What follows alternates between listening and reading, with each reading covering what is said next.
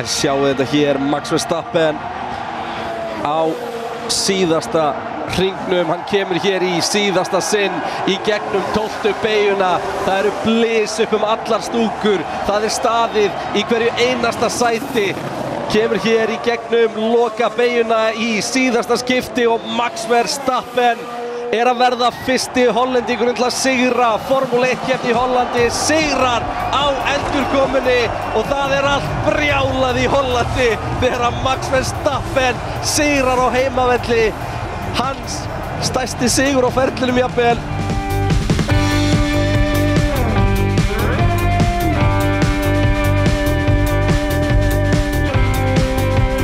Jú, Pitturinn hilsar eftir, eh, Eftir leiðilega keppni, Kristján nei, grjót haltu kjafti Bræði Þorvarsson Þetta var bara drullu fín keppni og ofan á allt annað þá er, ég má það bara ekki gleymast að stærsta stund helgarna var þegar Bræði Þorvarsson bræðið á strúbafell Ó já, strúfafel, við elskum þetta orð Það verður bjánulega og bjánulega í hvert Það er sem nefnilega, og maður segir það eru bestu orðin það Já, lá- á nefa, það er bara svo leiðis nei. En á 2021 standart var þetta leiðilega keppni Nei, Það er bara svo nei, leiðis þú brúin og góða varnu sko Já, já. Em, Ástæðan fyrir þetta var ekki leiðileg keppni var að það var alltaf möguleikin á strakitísku kalli Já, Það er bara út í að þú ert sem ekki Hamilton tjósa Þú, uh, þið fannst það leiðilegt, því hann já, tapar hann er mín, ég held með Hamilton og hann var í öðru seti Nei, ég meina þú veist, hvað vildur meira, ok Okkur vantaði slagum fyrstsætið Það er endar eitt sem er pínu leiðilegt Og það var það að útsendingin var pínu að klikka uh, Ég sá lista yfir hluti sem það var ekki sínt já. Og til dæmis var það þegar Fernando Alonso fór fram á Carlos Sainz á síðasta hring Jep. Og uh, þegar Fernando Alonso krassaði næstu í halvur hring og undan Það er svo leiðis, betur Já. ég og ég var ekki eins og Akkurat, hann misti þess að bílinn upp, í, upp að vegnum í beigð þrjú Í Huginholt Í húkinholtsbeginni Okkar maður á vettfangi Þannig að þú veist, það var hellingur en mér fannst þetta bara geggjur keppni því að ég var með púls allir tíman, ég var spenntur það var alltaf möguleiki og eitthvað myndi gerast Hamilton var alltaf nægilega nála til að ef að verstamenn setti eitt hjólut í gras eða eitthvað, tapaði sekundu þá var hann kominn og það var alltaf þessi möguleiki á ég hefði, eina sem ég vilja sjá var að ég hefði vilja sjá Hamilton kasta tenninu miklu fyrr og fara á mjúkdekk Já, sérst í endan Já Þau kostuðu náttúrulega kannski aðeins ofsnemma hann í miðinni Já, ég er enda með útskýringu á því sem við komum inn á þegar við komum á, á Hamilton Bara bing, bara búm uh, Ívar Örn uh, spyr Nei, nei, Pitturinn, við erum í Nóa Sirius stúdíu Ó, podcastöðunar ég- Er ég ég, ég bara- þessi gæði allt í hennu? Já, já, það er bara komið tími til Hvar eru við, segiru? Í Nóa Sirius stúdíu podcastöðunar Það er ekkert svoleiðis og eru við með einhverja styrtaraðala á þessu, á þessu podcasti Segð þú mér bara Býtu er það kannski okkar dásamlega fólk í verkvarðasölunni Oh. Húi, það eru ennþá til nokkra pittstyrur upp í verkvarðasölu Er það? Ég þekki það ekki Að ég get bætt nokkrum á lagarinn, sko Ok, á- átt þú nokkra svona í pokahóðninu? Ég, þú veist, við fórum ekki með þar allar Nei En hérna, ég held að séu En er- eru Ég þær held að ég búnar, er eða? fimm Það er allavega, það er allavega ekki mikið eftir ef það eru ekki búnar hlustendur vita þetta kannski betur en það við þurfum að búa til góðan pits her sko. við þurfum að hafa, Já. merkja fólk út um allan bæ sko. Pit Army það er bara svoleiði sko. Já, líka bara út í að sko, okkur langar alltaf að búa til meira mörds og það er alveg pínulegilegt að búa til mörds á Íslandi því að þú veist, að búa til mörds á Íslandi verður aldrei tekjusöfnun sko Þú veist, Nei, þetta er alveg bara, bara svona- ógeðslega dýrt að gera þetta sko já og þú veist þegar við erum ekki með það stóra marka við náum aldrei að selja, þú veist þetta er svo auðvelt að þú ert í bandaríkjunum að þá kau- kaupa alltaf þú veist allavega 500.000 manns mördsið þitt Já, og þá er líka svo auðvelt að búa til sko hluti sem er bara made by order Já. en við þurfum alltaf að leggja út fyrir þessu sko Jep. Þannig að við svona, erum eiginlega búin ákveð að það kemur ekki annað fyrir en þetta er búið sko já, En það eru fínar hugmyndir þar og ég var En alveg til hvað, að fá ætlum við hugmyndir að, hvað ætlum við að f- hendi í næst? Bara Bara bóli Það Eh, þarf að bóli, búið til, eh, sko ég er að spá eitthvað til búmingi bara til 1 sixpence er En búið Já. til 2 og hinn fer bara uppbúð Já, hinn fer á, ég verð alltaf með einn og hinn verður, fer á uppbót bara Já. og verður í svona glass cage Já. Síðan, þú veist, var í grjótvart að hendi skirtu líka, sko, ég var til í pitt skirtu Er eitthvað að því er eða? Það verið veistla að hafa þetta svona lumberjack með svona, bara litlu Svona eins og við pitslokku erum báðir í núna Já, já, við erum lumberjack, eh, við erum köpulega lumberjack Couple of Lumberjacks, já, Það er- það er já, svoleiðis. góða veiðiskiptu Þú ert náttúrulega getið um fisherman Já, komst alveg einu sinni út í á í sumar Já, sítt liti En hérna, já, mér, mér langar líka til að búið til fleiri útgáfur af Pitt Styrhúum, sko, og þú veist, þetta var Já. bara svona pröfa, fyrsta. Um, svo var ekki gaman alltaf hvatinn okkar er indislegur Já, og hann okkar gerir hönnuður. sjúklega flotta hluti, sko, þannig að Heldur betur. það mætti alveg hanna eitthvað, þú veist, ból með einhverju mjög cool printi einhverju hann, sko. Já Eitthvað, já Ég- ég- ég- Bara hendum kvatanum í verki, þetta er ekki flókið Ég er mál. bara, þú veist, ég- við vitum að hvað er nokkar að hlusta Þannig að án þess að vera eitthvað að setja einhverja pressu eða eitthvað þú Jú, veist, ég, ég er að setja En þá pressa. eru ógeðslega margir að vonast til þess að hann gerir þetta Það er bara, og ég er bara að segja kvati, hjólaði í þetta En Kristján er ekki að setja neina pressu nei, nei, nei, nei, ég myndi aldrei gera það uh, Viaplay náttúrulega styrkja ykkur líka Húi Já, Það er bara svo leiðis Ég var að klára að stella upp Longquist á Viaplay Ég sá það aldrei þegar það kom nýtt út sko. ok Það Út af það er Viaplay Original, kallir minn er rétt Það er svoleiðis. Viaplay náttúrulega er alveg búið að standa á bakvið uh, bara íslenska framlýslu en svo er náttúrulega eru að tala um að, að sporti og allt þar, þú veist, það kemur þessi hækkurinn um daginn sem að fólk var óanætt með og, og ég Já. skil það alveg en ég skil líka hinum einn að, að sko magnið af stöffi sem maður er farin að horfa á þarna er bara orðið það mikið að þetta meika ekkert sens sko. Nei, haf, þetta, hva, þetta var 1500 og er núna hvað, 2 og 5 eða eitthvað Já, eitthvað hannig Já. Uh, Orlís náttúrulega líka styrkja okkur Vinn og Brólís hvetjum um alla til að uh, skrá sig í hann Það er nú bara svo leiðis uh, Svo, ég veist að ég myndi örugglega að borga 5 skall bara til að fá að horfa á bíhundin Já, nákvæmlega Hver, þú veist, ég, ég fæ oft þetta komment bara Er ekki, in kostar life. ekki alveg bara eitthvað 20 skall OnlyFans eitt á mánu eða eitthvað Jú, ég, trú- því ég var að hækka það núna í 35 sko. og það er samt bara Það er bara Þú veist- gjöfin ekki gjald já, ég er komið með einu og hálfa miljón followers eða eitthvað, ég er bara að leifa, þú veist, þetta er svakalegu lífstíl hjá, hjá Heldur betur, bíóhundinum, sko. heldur betur Skrítið að DF sé ekki búið að peka upp Já, ég er náttúrulega fer svona under the radar Já, þú, Það er- þú er með svona ákveðin nisjuhóp sem fílar Já. íslenska hunda með sexpenser sem eru, ég hættir að ná að neppa skiptunni sinni Já. og uh, eru svona líklega ég er bara mjög líklega til að finna einhvers þar að lesa gamlar Wikipedia greinar um kappastur Já. Já. Það er Við- nisjuhópur, hann er svo sannarlega til já, algjörlega, algjörlega Ég er að vinna ofta að vera, skilur að fara inn á kannski svona leggskólalóðir á kvöldin og svo leiðis Nei. og vera það að lesa Wikipedia Það lesa við ekki betur, já, það sko Þetta er bara fyrir mig, lonely fans bara, í- bara í rólinni Já, já. með lappan Já, býtu Samt með hann í sambandi á Kefli. Monsa eh, 1961 áhugavert Mm. Já, Þetta og skrifaði sjálfsögðu út Ellen. af batterið bilaði lappanum, sko, þá verður ég að hafa hann í samband En þetta er náttúrulega að vera frábært kross yfir í söguhotnið En uh, hvað er frétta því? Ég get alveg verið með, þó ég sé ekki búin að skrifa henni niður Ég get bara hendi nokkra góða punta, sko Ok, hendur nokkra góða punta og fyndu þá að menn ég segi eitthvað frá því að eh, Ólís er svo náttúrulega líka að vinna með okkur Já, uh, heldur betur Hefur þú smakka bensinu Ólís? Já, nei, ég setja sko á OnlyFansinu hjá mér og þá er ég að setja það upp í raskatið á mér Ok, en þú veist það bræðast betur Það er, bara Það er svoleiðis Já, já Já, ok, það er alveg En þú veist, ég hef ekki prófað sjálfur, ég hef hýrt það Já, já Og er það þá bara 95 óttana eða er það dísellin sem er svona hugulegur Það er bara eftir hvernig skapið maður er Já, já Þannig að, nei, nei Ég er en- nefnilega er með dísellin í- á OnlyFans, sko Það er sverari stútur á því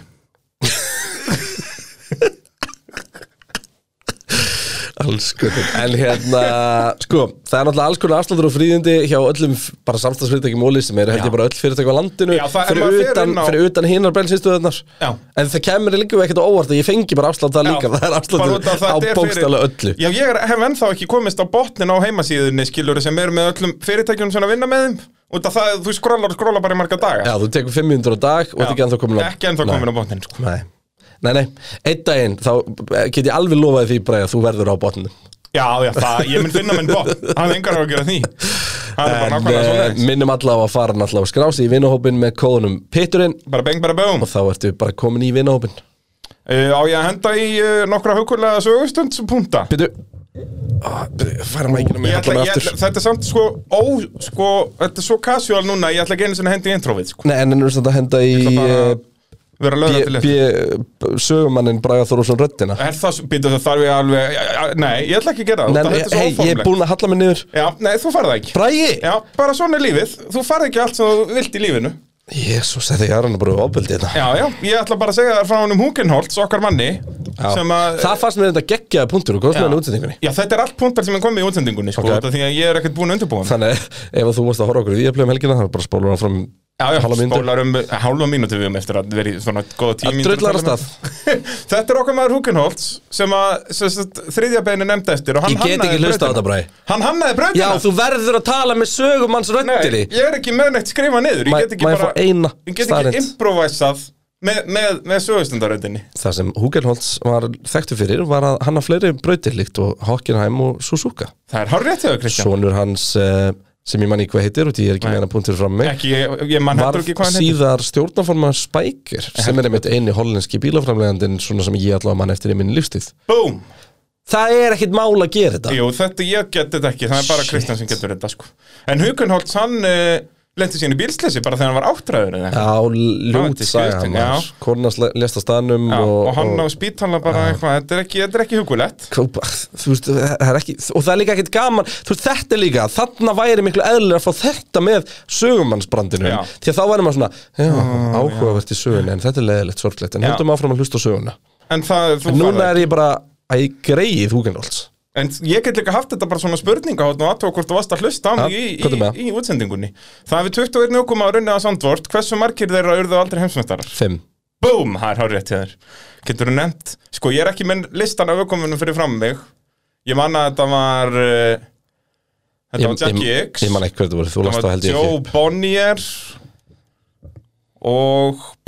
Einhverju fleiri. já, þrýri viðbútt Já, einhverju þrýri viðbútt. og Max Verstappen, Já, það, hann var sjötti núna. Eh, hann var sjötti ennþá, Já, já, en Getur hann, breytt því. hann, hann mun breyta því, það er staðfyrst gælfyrst og þinglist það er líklegt Það er ansið líklegt uh, Svo náttúrulega áhugavert út að Sandvort er hann með 18 gráðu beiguna Mhm, sem ég ákvað að kalla að vera 31 gráð til við vorum að lesa um Indianapolis en það er nýsa Já, Indianapolis, og ég gerði þá svona stuttan lista yfir þess að bröttustu beigurnar í söguformul 1 Já.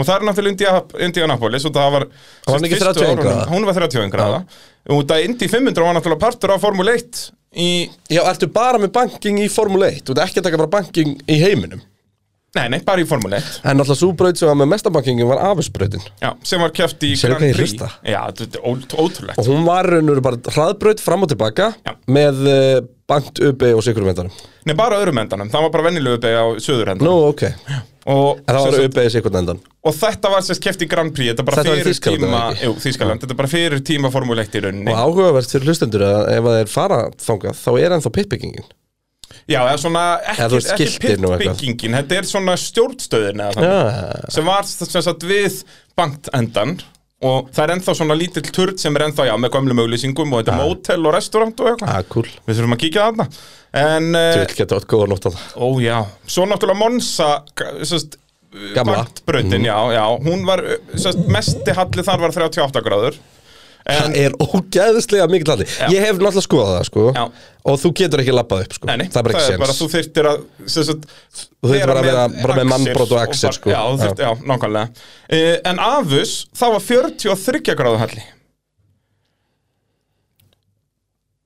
Það er rusalett Það er hellað Enda var þetta bara, þeir byggðu bara vegg úr múrsteinum í endan á brautinni Já, og lögðu svo einhvern veginn, mal, leta malbyggja renna einhvern veginn niður á og bara Nei, það, það var ekkert malbygg Já, hún var- þetta var Uh. brickjard. Þetta var bara Já. múrsteina veggur sem að bílarnir keirði á Þetta er sjúkt sko. Það er hægt að fara Ég fór að skoða þetta í Ég man ekki hvað tölvuleikar er hægt að keira þessa braut Hvað eru svona simulator sem verður líklegur til að vera með þetta Já, Já, allavega Og það út af því að það mest gerir Þetta var náttúrulega kallað bara Wall of Death Út af því að það var engin gerðing efst Ef þú fórst fram af Þá fórst þú bara halva leið til tungsins Og dóst síðan nokkrum dögum setna þegar þú lendir Þetta var bara kjaftaði sko Og þarna voru þeir að keira skilur bara á þessum sess gömlu bensónum sem að þeir smíðuðu yfirbyggingar yfir hjólinn til að gera það meira strömminlega djúlar er flott Þú í veist, maður þannig að þeir Oh fóru my bara á- god, hvað voru flottir svona 330 km hraða skiluru Já. og bremsa og kannski setja nýr í fjórðagýr fyrir þetta og röra, þú veist, þetta er bara kjaftaði sko. Já, geggjaf litla ruglið e, Spáðu líka í því, þú fer ekkert eitthvað rólega þarna fyrst til að prófa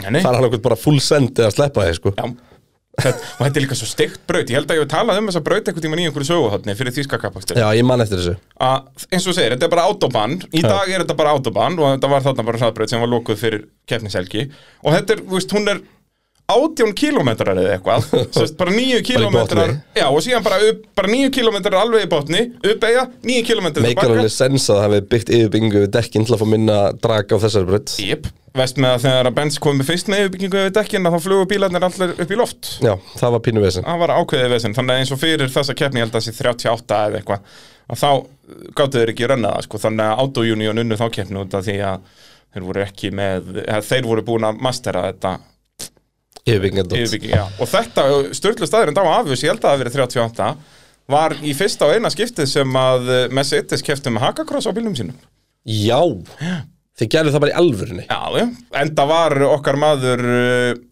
hvað hétt hann mesti geðsuglingurinn sem var ekki Hitler heldur svona nummer tvö sem var flug nei, ekki, ekki tröllið sko, sem var flugmála ráðherra þarna heldur hinn Goebbels, Goebbels var að horfa sko, og var að að fylgjast með sínum mönnum í Autounion og Mercedes sko. Já já, já, já, já, já, Þetta var frábær sögustund um Holland Nei, hollenska kapasturinn já sem var aðalega um afviss samt, þetta afviss er styrklið kapasisbrönd uh, en jú, ég er, ég er fleiri nasistastæðrindir Nei, Jú, jú, jú, það, út af því að Já, í, jú, í já. setna stríði, að þá sem sagt það er eh, nasistum að þakka Sandor til til það er basically. nákvæmlega svo leiðis, út af því að þeir náttúrulega hollenski prinsinn gafst bara upp strax, tók ekki þátt í þessu stríði og bara sagði Hitler gjöra svo vel, hérna er landið mitt, gjöra það sem þú vilt við það og þegar nasistar komu í þennan litla strandbæ sem að hindir Sandvort að þá var bæjastjórun þar svo, svona lagði mikið upp úr því að, að þegnar sínur myndi ekki þurfa að fara til Þýskalands að leggja autobahn og vesanast þar heldur uh, náðan að tala, Hitler, nála, taka, eh, tala nasistana til en segja, heyrðu, það er brásniðut ef við myndum lengja veg frá bænum og inn í land og nasistan, heyrðu, jú, það meikar fullkominn sens, hjólum í það þannig að þegnar í bænum fóru að, að leggja þessan, þann- þessa vegi í runni sem á endanum urðu kapatusbrut og það var fyrst keft þarna 1948 Og var þá væntalega hugsa til þess að komast hraðar að ströndinu til að sigla frá eða eitthvað álíka já, Já það er, þetta var bara stratítisk uh, Það var vegur, bara Mhm. framlenging á þýskurhafrinni, raun og verið. basically og þetta var, það var fyrst keft á móturhjólum þarna, Já. það var svona sterkum, sterkum móturhjólaklúmpur svona, Já, svona strandmótjóla stemming. hugulega heitt og uh, svo var fyrsti sem sagt, uh, Formule 1 kappaksturinn sem gildi þó ekki til stiga það var 50 og 51 en svo var þetta orðið official Formule kappakstur 52 og þá var það okkar maður Alberto Ascari sem að vann það er alltaf auðvelt að gíska hver vann kappakstur 52 og 53 og Já, þetta er, Ascari vann á er alla bara bara 80% líkur á þess að með rétt. já, Já. Ertu búinn eða? já, Ég ætla já. bara að gefa það, þetta var bara drullu fínt söguhótt Já, fyrir utan þakka það að þú gast ekki drullast til að taka það með söguhóttsröndinni. já, það er bara, þú færða ekki Herra já, það eru spurningar sem við ákveðum að taka hérna fyrir, fyrir. Já, sem ég ætlaði bara að byrja á fyrir 16 mínútum síðan, en Einmitt. uh, það gekk ekki alveg. Uh, Ívar Örn spyr uh, Trollu Ullars, Ullarsokk í uh, brandin minn. Hann Já. er það vantilega að tala um að þú er að gera það. Já, að ég er að taka einn löðrandi ullarsokk. Já, Uh, helst svona, ekki búið að þóa hann ofta en hann, hárin standa ennþá vel Já, út akkurat, svona. Þannig að það sé svona meira bara púffaður. rekan vel niður Alveg, ég, get, ég er með myndavélina, ég get postað þess að það only fanns í kvöld. það er nú ekki amalega pakki. Þetta var nefnilega ekki kemni Já. Ég er sammála ég var hérna með það Og hérna, hvað er hann að skrifa meira? Uh, hefðu verið gaman að sjá Rössilist að botta sig saman slagi verðstappen? Jú, vissulega, við fáum það á, á næsta ári. Bæðið að verja og einna að reyna að ná uh, honum eftir stoppið. Já, lítið spurningu í þessu uh, bara En hugulegt. Ívararnir tilla sér þarna fyrir framann Já, svo er það Ívar Örn Halldórsson. Þetta var náttúrulega Ívar Örn Smárasson, okkar maður að vettvangi. Já, Og Halldórssonin spyr svo með þessum nýju gömlu keppnum sem eru að koma inn núna erum við að fá fleiri brauti sem eru eftir að taka fram úr. en það er spurning Já, já, Erum við að fá fleiri braut sem er að taka fram úr? Nei, flestar sko, það eru tvær brautir búin að koma inn sem er að taka fram úr Er það ekki? Hvað er líka köllum við nýja braut? Er Abu Dhabi ennþá ný braut? já, já. Ok, ég var að segja Abu Dhabi sé síðasta nýja brautin já er það Bara reynir ekki lengur ný braut sko ekki? Nei, hún er orðin hvað 20 ára. Já, en, þú veist, en hún er tilkibraut held ég alveg röglega Já. og þær flokkast marga sem nýjar brautir sko. en þú veist, ef við tökum bara síðustu ár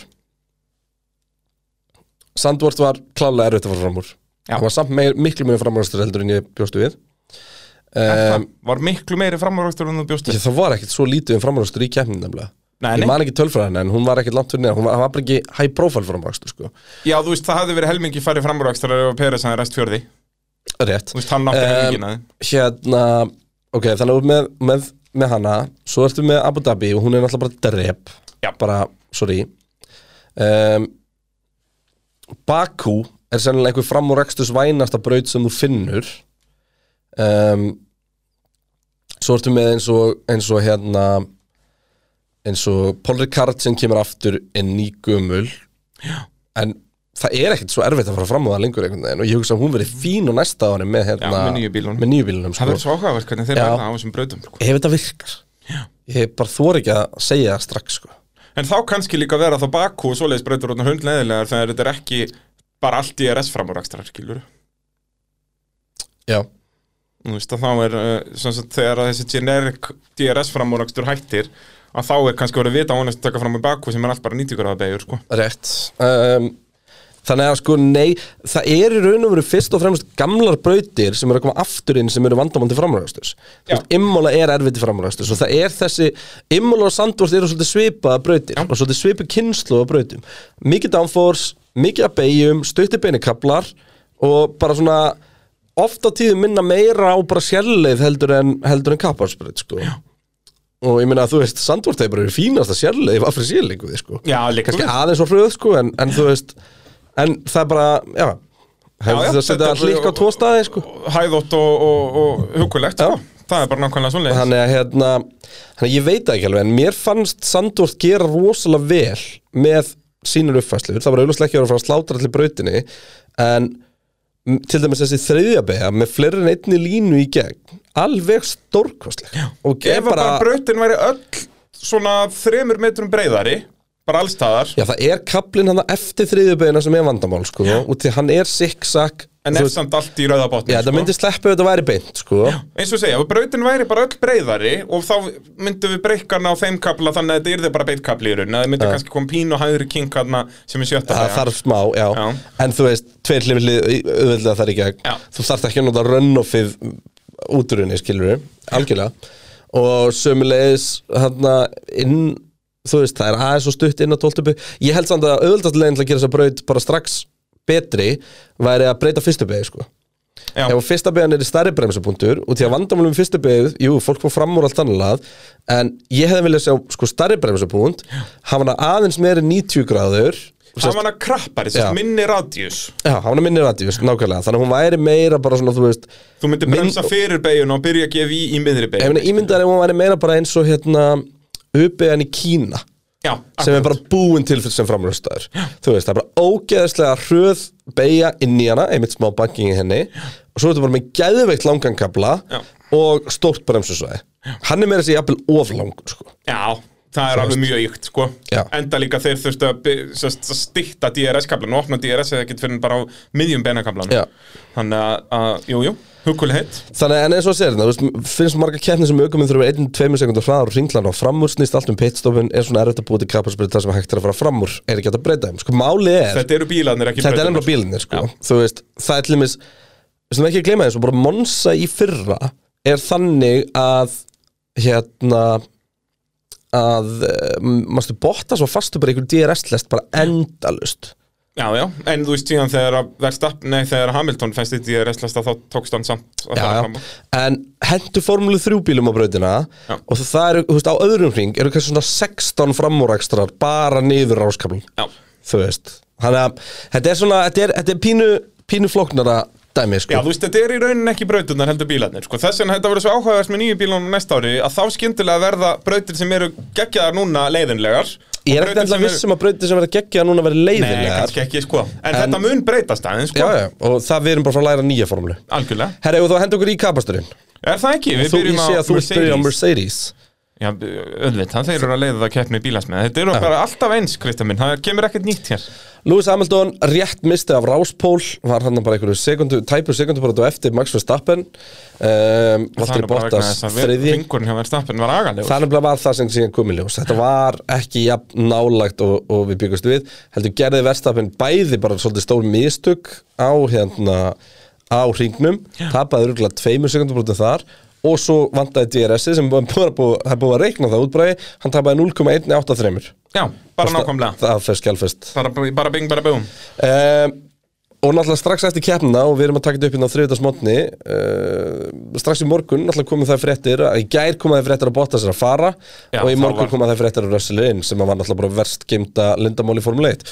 og búið að eldast mjög illa því ég sagði að uh, Mercedes þyrftu líklegast að halda áfram með Bottas viðst að Hamilton var að skrifa undir aftur Já, það er nefnilega kemur mest á óvart að að bara Hamilton gútteraði það að að hleypa rössalarninn hefur þetta ekki bara verið eitt af stóru málunum í þessu og bara, svo endanum fær hann bara nægilega tjúvillig mikil pening og það bara, já, fuck it, gerðu það Já En þá getum við síðan á næsta ári, sko, að ef að rössal verður á Russell pari á að eða vera jafnvel vesen, betri sko. Já, Og og ef ef að- það verður raunin, þá held ég að Hamilton hætti bara En málið er líka, ef að Russell er ekki vesen þá er Russell ekki rétti gæin í þetta því að það er ekki verið að ráða Russell sem nummer 2 Nei. það er verið að ráða Russell sem nummer 1 til að halda áfram, Akkúrat. en það er spurning hvernig byrjum á að tala um keppnina og tökum þetta svo um, hérna sko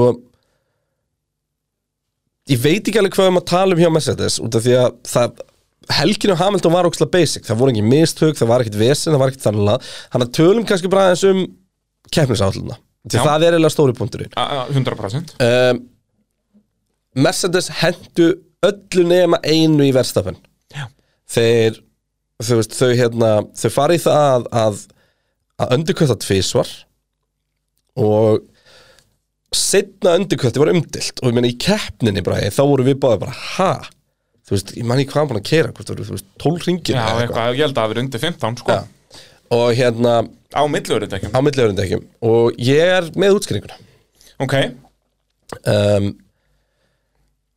Hamilton nefn, hérna náttúrulega fyrsta hindrunin í veginum að var Bottas að vera fyrir verðstafin og einu sinni enn var Bottas bara ógæðislega mjúkur við það þú veist það var jafn auðvilt fyrir verðstafin að fara fram úr hérna Bottas og fyrir Hamilton að fara fram úr Bottas líka við sko. já þú veist, af hverju þú, þegar þú ert nummer tvö og þú ert að skýla hinnum þú veist, s- sá enginn Alonso á móti Hamilton í Ungarlandi Já, það en var Við komum bara síðan að því bara í setning keppnum að Bottas var ekkert Hann er ekkert nummer 2, hann er ekkert að að, skila Ah, það, ok, en þetta er ekkit í fyrsta skipti hann Nei, nei, og þú veist, hann er bara svo mjúkur í þessu já En þannig ég að, meina það er líka bara vegna þess að hann hefur ekkert gaman að því að nei, nei, hjálpa Hamilton það er alveg punktur en allavega um, það er þetta setna þjónustilíð sem er raunverið almálið uh, það sem að við sáum ekki þá var að sérst, ástæðan fyrir að Mercedes gera þetta strax sem var mistöka mínum að þetta átt að býða einum hring lengur Já, kom hún út hann fyrir framann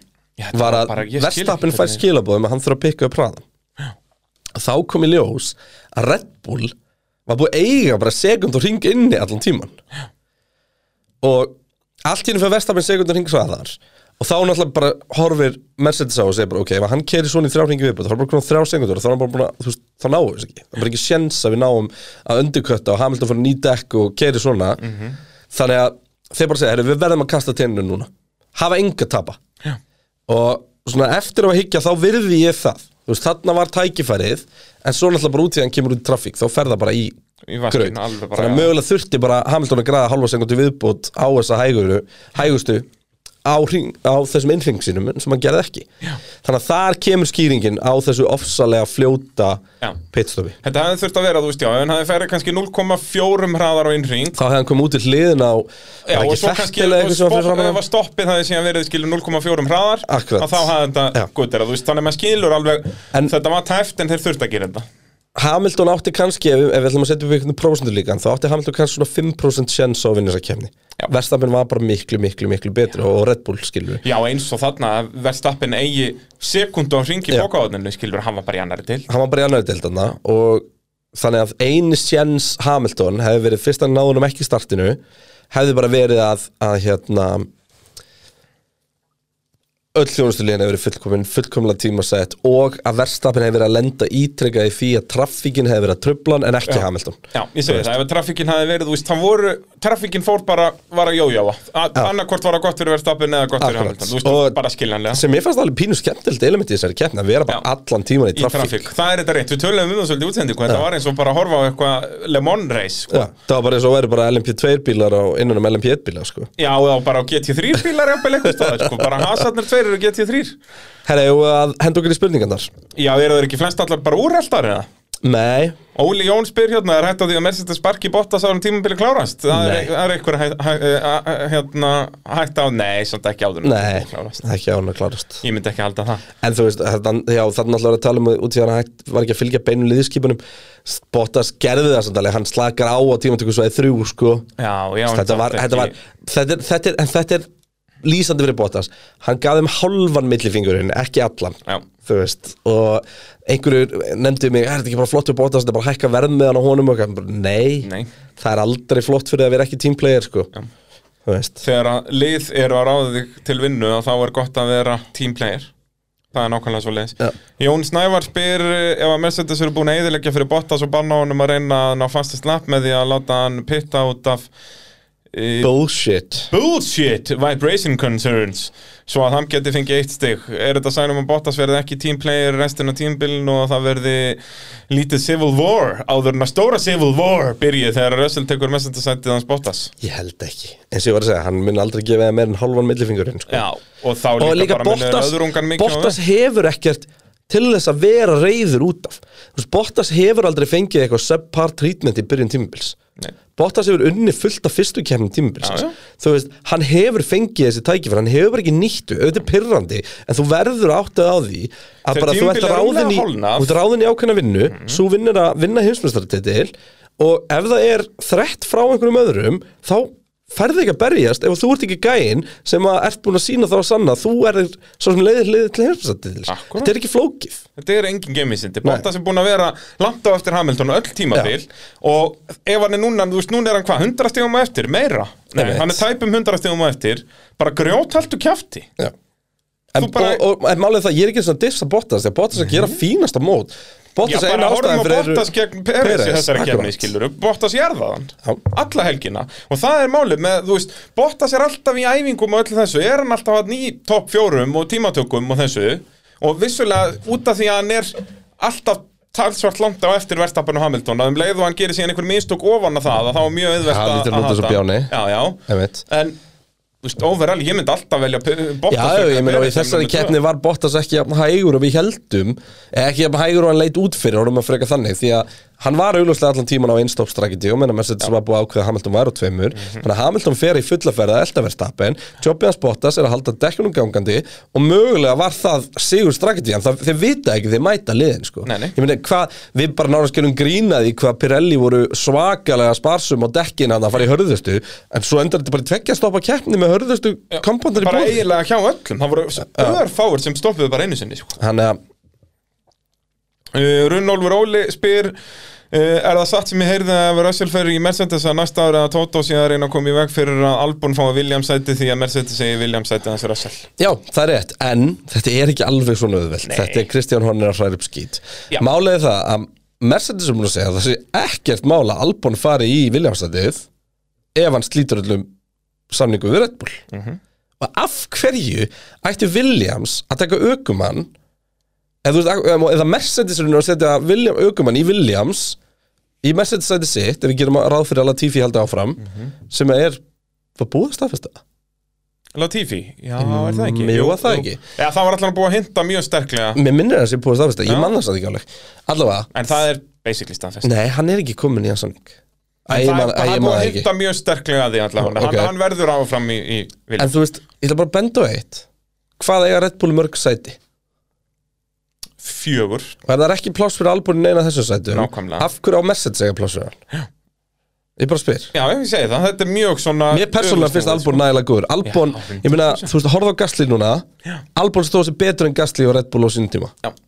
Þú veist, við slum ekki Haldur vannmeta hvað það, Alfa sko Tauri var í geggjum málum með Albon með Gastli Það var eitt klikkað, sko Þeir væru bara, má ég sjá Þeir í væri örugglega bara að berjast þeir keppni- McLaren og Ferrari Já, svona En þeir væri basically. allavega þar fyrir aftan sko Þeir voru lausi við hinna þeir væru, já þeir eru náttúrulega búin að stinga uh, Aston Martin af sko og eru núna bara uh, Já en þú veist þeir væri ekkert í einu slag við Alpín Þeir eru Nei, nei. sjöstegum eftir Alpín eða maður rétt 60 um eftir 60 Alpine. já og, hérna, og þeir væru núna búin að stinga Alpine af sko, við erum að tala með Gastlíða með 66 stig Albon segjum hann væri bara með jafnmörg stig þá verður hann með 132 þá verður þeir í einskjensmannslandinu þarna milli McLaren og, Hvað er McLaren með núna? og 170 Já, einmitt Þannig að þú veist Ég, en vandamáli er hins vegar að Sunóta er mögulega einhver framtíð fyrir Red Bull sem að Já, já. Albon er búin að sanna sig að hann er líklegast ekki Þannig að þú veist, ég veit það ekki um, Finnst mér Albon eða skilist það til Williamson næsta ári? Já, já hann er bara skilið sætti í Formule 1 alveg sama Akkurat. hvar það er sko En Mér- finnst ég mér, bara- hann, finnst mér þetta eðlilegt hjá, Red- hjá Mercedes Plus það líka bara að þú veist segjum að, þú veist, vilt þú að gæi sem er samlingsbundin helsta keppinundinu sé bara hann að helgi eftir helgi að keira ringi með þinn vélbúnað Já, nákvæmlega Já, þú veist, hann myndi alltaf þurfa að slíta öllu tæs við Red Bull sko. Algjörlega. Og af hverju ætti hann ekki að gera það fyrir William Sandi? Ég, ef ég var út af því myndi að hann er 100% með gera það. hann er að keppi DTM, hann er, þú veist, við gleyma að það er ferill fyrir utan Formule 1 Já, já. sem er mögulega bara betri fyrir Albon, ég veit það ekki en allavega, þetta er svona, þetta er, þetta er mí- Ef að mitt honum- teika ef að honum er þið búið við Williams sæti Ef ég var í hann, þá myndi ég allan tíman ke- fara í Williams og slíta öllu við Red Bull sko. Út að hann Algjörlega. getur alltaf retta sér ykkur fyrir utan Formule 1 alveg saman hvort það sé Red Bull en ekki Ég er ekki viss Það er erfitt Já, nei, Jó, samt, þú ert- myndi þú ert- þú ekki- ert Formúlu 1 okkur maður Já, myndi ekki Toyota þá bara peka hann upp í Luman eða eitthvað, þú veist Jú, Eða bara eitthvað Mercedes tengt eða Já, eitthvað já, svona hlena með hann tælinska bakgrunn og það er örglega hérna, eitthvað markasvæði sem er gott fyrir einhvern sko Nákvæmlega, nákvæmlega Þannig að Uh, Viðar Kristinn spyr uh, vitið ástæðan af hverju öllum uh, Lúi Hamilton rauti að skilabóðum eru settar í útsendingu Já, það er vegna þess að uh, allir hatta Hamilton og það er gott sjónvarp að Já, hlusta á hérna. ég, hann ég, græja. ég, mitt svar við þessu verður bara út af því að fólk elskar að hata Hamilton sko Já. Þú veist, og það er bara pointið sko Algjörlega, Þetta er bara, bara sem sagt, Og svo finnst mér líka bara, mi- þú veist, merkilega að heyra Lewis Hamilton skilabóð heldur en Antonio Giovanazzi skilabóð sko Já Þannig að, en þú veist, þessa helgina var þetta kannski full mikið að því góða sko, þetta ég held bara hvert einasta mest sem hann sagði var, var útvarpað sko. Eitthvað einasta message sem var eitthvað um að eitthvað verð ekki gott sko Já, nákvæmlega sko, þannig að hérna, en þú veist, þetta er bara gott sjónvarp, skilur, út Já. að fólk uh, elskar að hata Hamilton, eða hatar elskan. Uh, Jens Arnbjörn spyr, mun Hamilton hætta eftir að hafa vunnið áttunda titilinn? Uh, hvað, hann er með tveggjára semning? Nei, Í tvö ári viðbót, það er að segja já, nei, 22 nei, og já, hann er að 23 fara að vinna áttunda í ár ef hann vinnur, já, nein, hann er ekki, nein, hann mun ekki hætta eftir áttunda. Ég veit það ekki hann mun hætta um leið og bensin verður þú veist, þó hann vinna ekki í ár mun hann halda áfram staðfest Ef Að- að að Benson mínu mati. verður ekki bestur á næsta ári þá hættir hann Já. Þú Samanlega veist, ef að, á, á næsta ári ef að bensin er alveg augljóslega ekki, ekki bestur og þú veist, og ekki eins og núna þegar hann er svona 50-50 með, með Red Bull ef hann er bara lélegri, þú veist, eins og Red Bull og Ferrari hafa verið í síðustu ár að þá hættir hann, Ok staðfest skjálfist á þinglist uh, Færgur við Red Bull já, hvernig, já, ég myndi nú samt færa mig yfir í G7 Racing Team Býtu nú við Því að Brallin var að vinna sinn fyrsta sigur á sínu ferli í Formule 1 Takk fyrir, takk fyrir Það er, eh, Hvar komst á sigur? heyrðu, það var á henni stórmögnuðu braut Paul Ricard Já, svona eftirminnilegust að ætla að vinna Já. sem fyrsta Þetta er mjög stekt sko, þetta, við erum sérst að tala um eh, F1 2021 á PlayStation Eh, 5 og þetta er svo stekt sko, þetta ég er með difficultyið á einhverju svona 75-80 Já, svona amateur bara, já. Já, já, akkurat, og bara með allt dræfir eitt á og Já, bara það er samt ekki til að skamma sér fyrir sko. Ég hef aldrei skilið fólk sem er ekki að þrjóskast eða spila og fjastringu án driver rates Já, það er vonlaust, sko, Já, þú ert líka ekki með bara, þetta þú fólks veist- feedback, sko, þú getur ekki Ég verið heyrði með- líka ekkert um að Landon Norris eða actually talaði um að það væri miklu líkir að kera Formule 1 bíl ef þú væri með traction control í sko, medium eða low eða eitthvað heldur en off Já, það er svoleiðis, já, ok Það væri of íkt sko Já. hvað var erfitt að komast á kjöðuna en þú veist, þetta er svona eins og ég vakna til þess að hvað kerur sjálfskiptan þegar þú ert í, á fjastringu Já, ég gera ekki því með stýri Nei, ekki nei. fræðilegur, en það er ekki sjensin enni að skipta sjálfur á fjastringu sko. Já, eins með traction control og eitthvað, þú þú ert ekki með þetta force feedback Já, þú ert þá líka er bara þetta í vonlaust. Þetta er líka bara, þú veist, munurinn er sá Í öðru ert að kera hermi, í hinn ert að kera bílleg Já. Þú veist Það er bara akkurat munur eh, En sko, ma- vandamál er að, þú veist, eins og á Bakú og, og, og svoleiðis brautum að þá er ég bara svona hafna á pari með að ég er nýtt lið í Formule 1, ég er sérst í hafna my team Hann átt að berjast við bara Hans og Williams Já, þú veist eins og í Bakú stóði mig vel þá var, alveg, var ég langt á undan Hans Williams og Alfa en var þarna þá í, já, hvað, einhverju 15. sæti eða eitthvað Já. skilur uh, síðan, þú veist eins og í Monaco, ég endaði að gefast upp ég bara DNF-aði bara bara retæraði út af því að ég var bara langsíðastur að tapa þreymur sekundum á ring sko. ah, bara vita á honleysu, síðan Pálur Kart Alltaf vanta, vanta punga bara land, sko Já, nákvæmlega, sko, alveg punglaus en þeir fílaði á OnlyFans, þannig að það skiptir ekki máli uh, síðan í Paul Ricard, að þar bara vann ég á mínum bara heimasmíðaða bíl, sko Já, þannig að þetta er mjög svona öfusnúið allt saman, sko, ég Já. náði mínum fyrsta ráspól í Kanada, en náði ekki að, að verja hann endaði fymti eða eitthvað bara til að hafa ekki með þetta Já, bræði minn. þakkaði kærlega, þetta er gott að vinna eitthvað svona, það er langt síðan Þú ég veist fekk líka bara, þetta byggar í er fyrst, alvörunni fyrsti maðurinn síðan já, Hver? Til að vera bæði liðstjóri hönnur og aukumæður og sigra Ég ætli að sé ekki bara Jack Brabham Er það ekki? Ég myndi halda Freg, það, sko jú, er ekki Freg, jú, hann er á eftir McLaren hann, að- jú. Nei, hann er endar fyrir maklar sko. Er hann fyrir McLaren? Þá er örgulega Bruce McLaren Já Þó, jú, jú, ætli sé ekki Bruce McLaren Já, Og þó það voru samt alveg svona nokkri kallar Þetta var svo steikt, þú veist, ef þú horfur á gamla keppnir Þá eru fullt af liðum sem heita bara eitthvað Jackie X Racing og það En, er er bara, samt, einmitt en þeir kaupa bara bíla, skilu Hann var að Já. keppa á einhverjum Ford eða Einmitt. einhverju En þetta er hans lið, sko Já, kefti bara, bara kapparspíla ferri En ég er náttúrulega í F1 21 er ég að hanna bílinn sjálfur, sko Já, já, já, já, já. Eh, Alveg á fullu og, og Og hvað- og hvað er næsta keppni? Fastla, og, heyrðu, hver skildi vera næsta keppni? Ég man ekki, ég fer svo að Hvar verða varstu síðast? Ég menn það ekki Ég er alveg komin að setna hluta tímabil, sko. Núna er ég byrjar, ég byrjar að spara peninga núna út að ég ætla að uppfara annan ökumanni, sko. Jack Aitken er búin að kveldgýta hjá mér. Er það? Hann er alveg bara, út að þó að maður sér, sko, hvar Eh, Og ætlar bíllinn manns er það ekki alltaf að staðsettur. vera í bötton eða? Jú, ég á eftir að kaupa aukapakkan, sko, en ég mun ekki að efna honum strax, sko. Ég er að pæli að hendi George Russell, svona í, í tilefni, tilefni dagsins. A- a- Gæti hækkað með Lára Gæti gert það, sko, en ég er núna Gæti byrjar þetta að að safna sæna pening, hann áður sko Já, ég er ekki búin að, að en þá þarf náttúrulega að, ég þarf að skoða hvað hann er með langan samning og eitthvað. Já. Ha? En Áhugavert Ég bara, ég, ég bara, I'll keep you posted, Christian. Ah, Ég meina auðljóslega rétt Karim Múfri George Russell að fara til GSU Racing Eh, 100%. Þannig að Það er bara svo leiðis. Herra, og færa okkur það við til Red Bull Já, hvernig væri það? Eh, Ég meina úr einu stórliður í annað Max Verstappen eh, fyrstur í tímatökum og fyrstur í keppninni, alveg eins og þeir top 6, nei, voru top 5 sem voru allir á sínum stað. Já, hann var ekki leik klerk 50. uh, Jú, Svo kom- Alonso næst og sjötsæti Alonso var fyrstur til að brjóta the duck. Já, það er bara hárreitt hjá Bræmin Þakka þér, en það var þetta leiðileg keppni. Sergio Pérez 16. í tímatökum 8. í kefni Já. Og uh, Og var kosin ökumæður dagsins, hvað fokkin Ok, ég ætla, ég, ætla, ég er með Peres randtóttin þetta smá uh, Ok, En ég ætla að byrja á bara Klárum Verstafn ok, Hann er ekki að gera neitt betur nei, bara fullkomin helgi.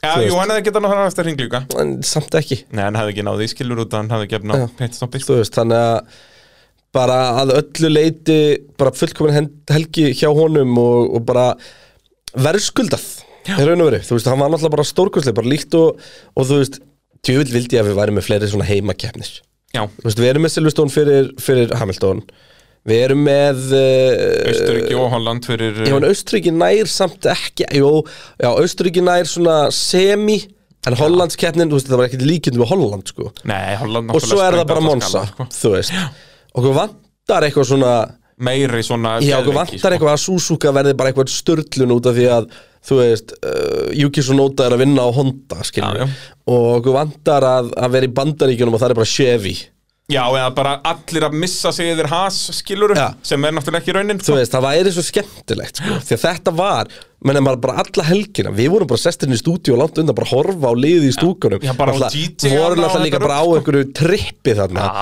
já, Þú þeir voru eitthvað aðeins meira en bara Heineken það leit þannig út sko. Þetta var rusalegt. Þú veist, að bara part að- Og það lísti þessu eitthvað svo vel sem var á brautinni sko, einhver blaðamar, hann sagði, þetta er í fyrst getur sem ég kem á kapparsbraut og ég er í partíi sem er reglulega trublaða kapparspilu Já Æ, ég er að fara að keira núna í miðjupartí andskotin og það var bara partí frá fimmtudegi til sunnudagskvöld sko. Já, já, bara Sergio Pérez orðaði þetta mjög vel hann að þegar hann var kosin driver of the day og sagði hann sko, já, mig ekki gleyma þessum áhörendum minna líka sko, þetta þú þarfst nú gott þól til að vera þetta þrjátaði röð sko. Já, það er, eh, það er ekki, þetta var ekki bara þólagstur fyrir okkur menn, það þú þurftir að geta verið, veri, já, með sterkar lifur hann þessa helgina já, já, já, já, lifur já. og leðri, Þetta, ég var mjög ánægð með þetta kommentívar í útsendingunni Ég held að það flóið undir radarinn samt hvað?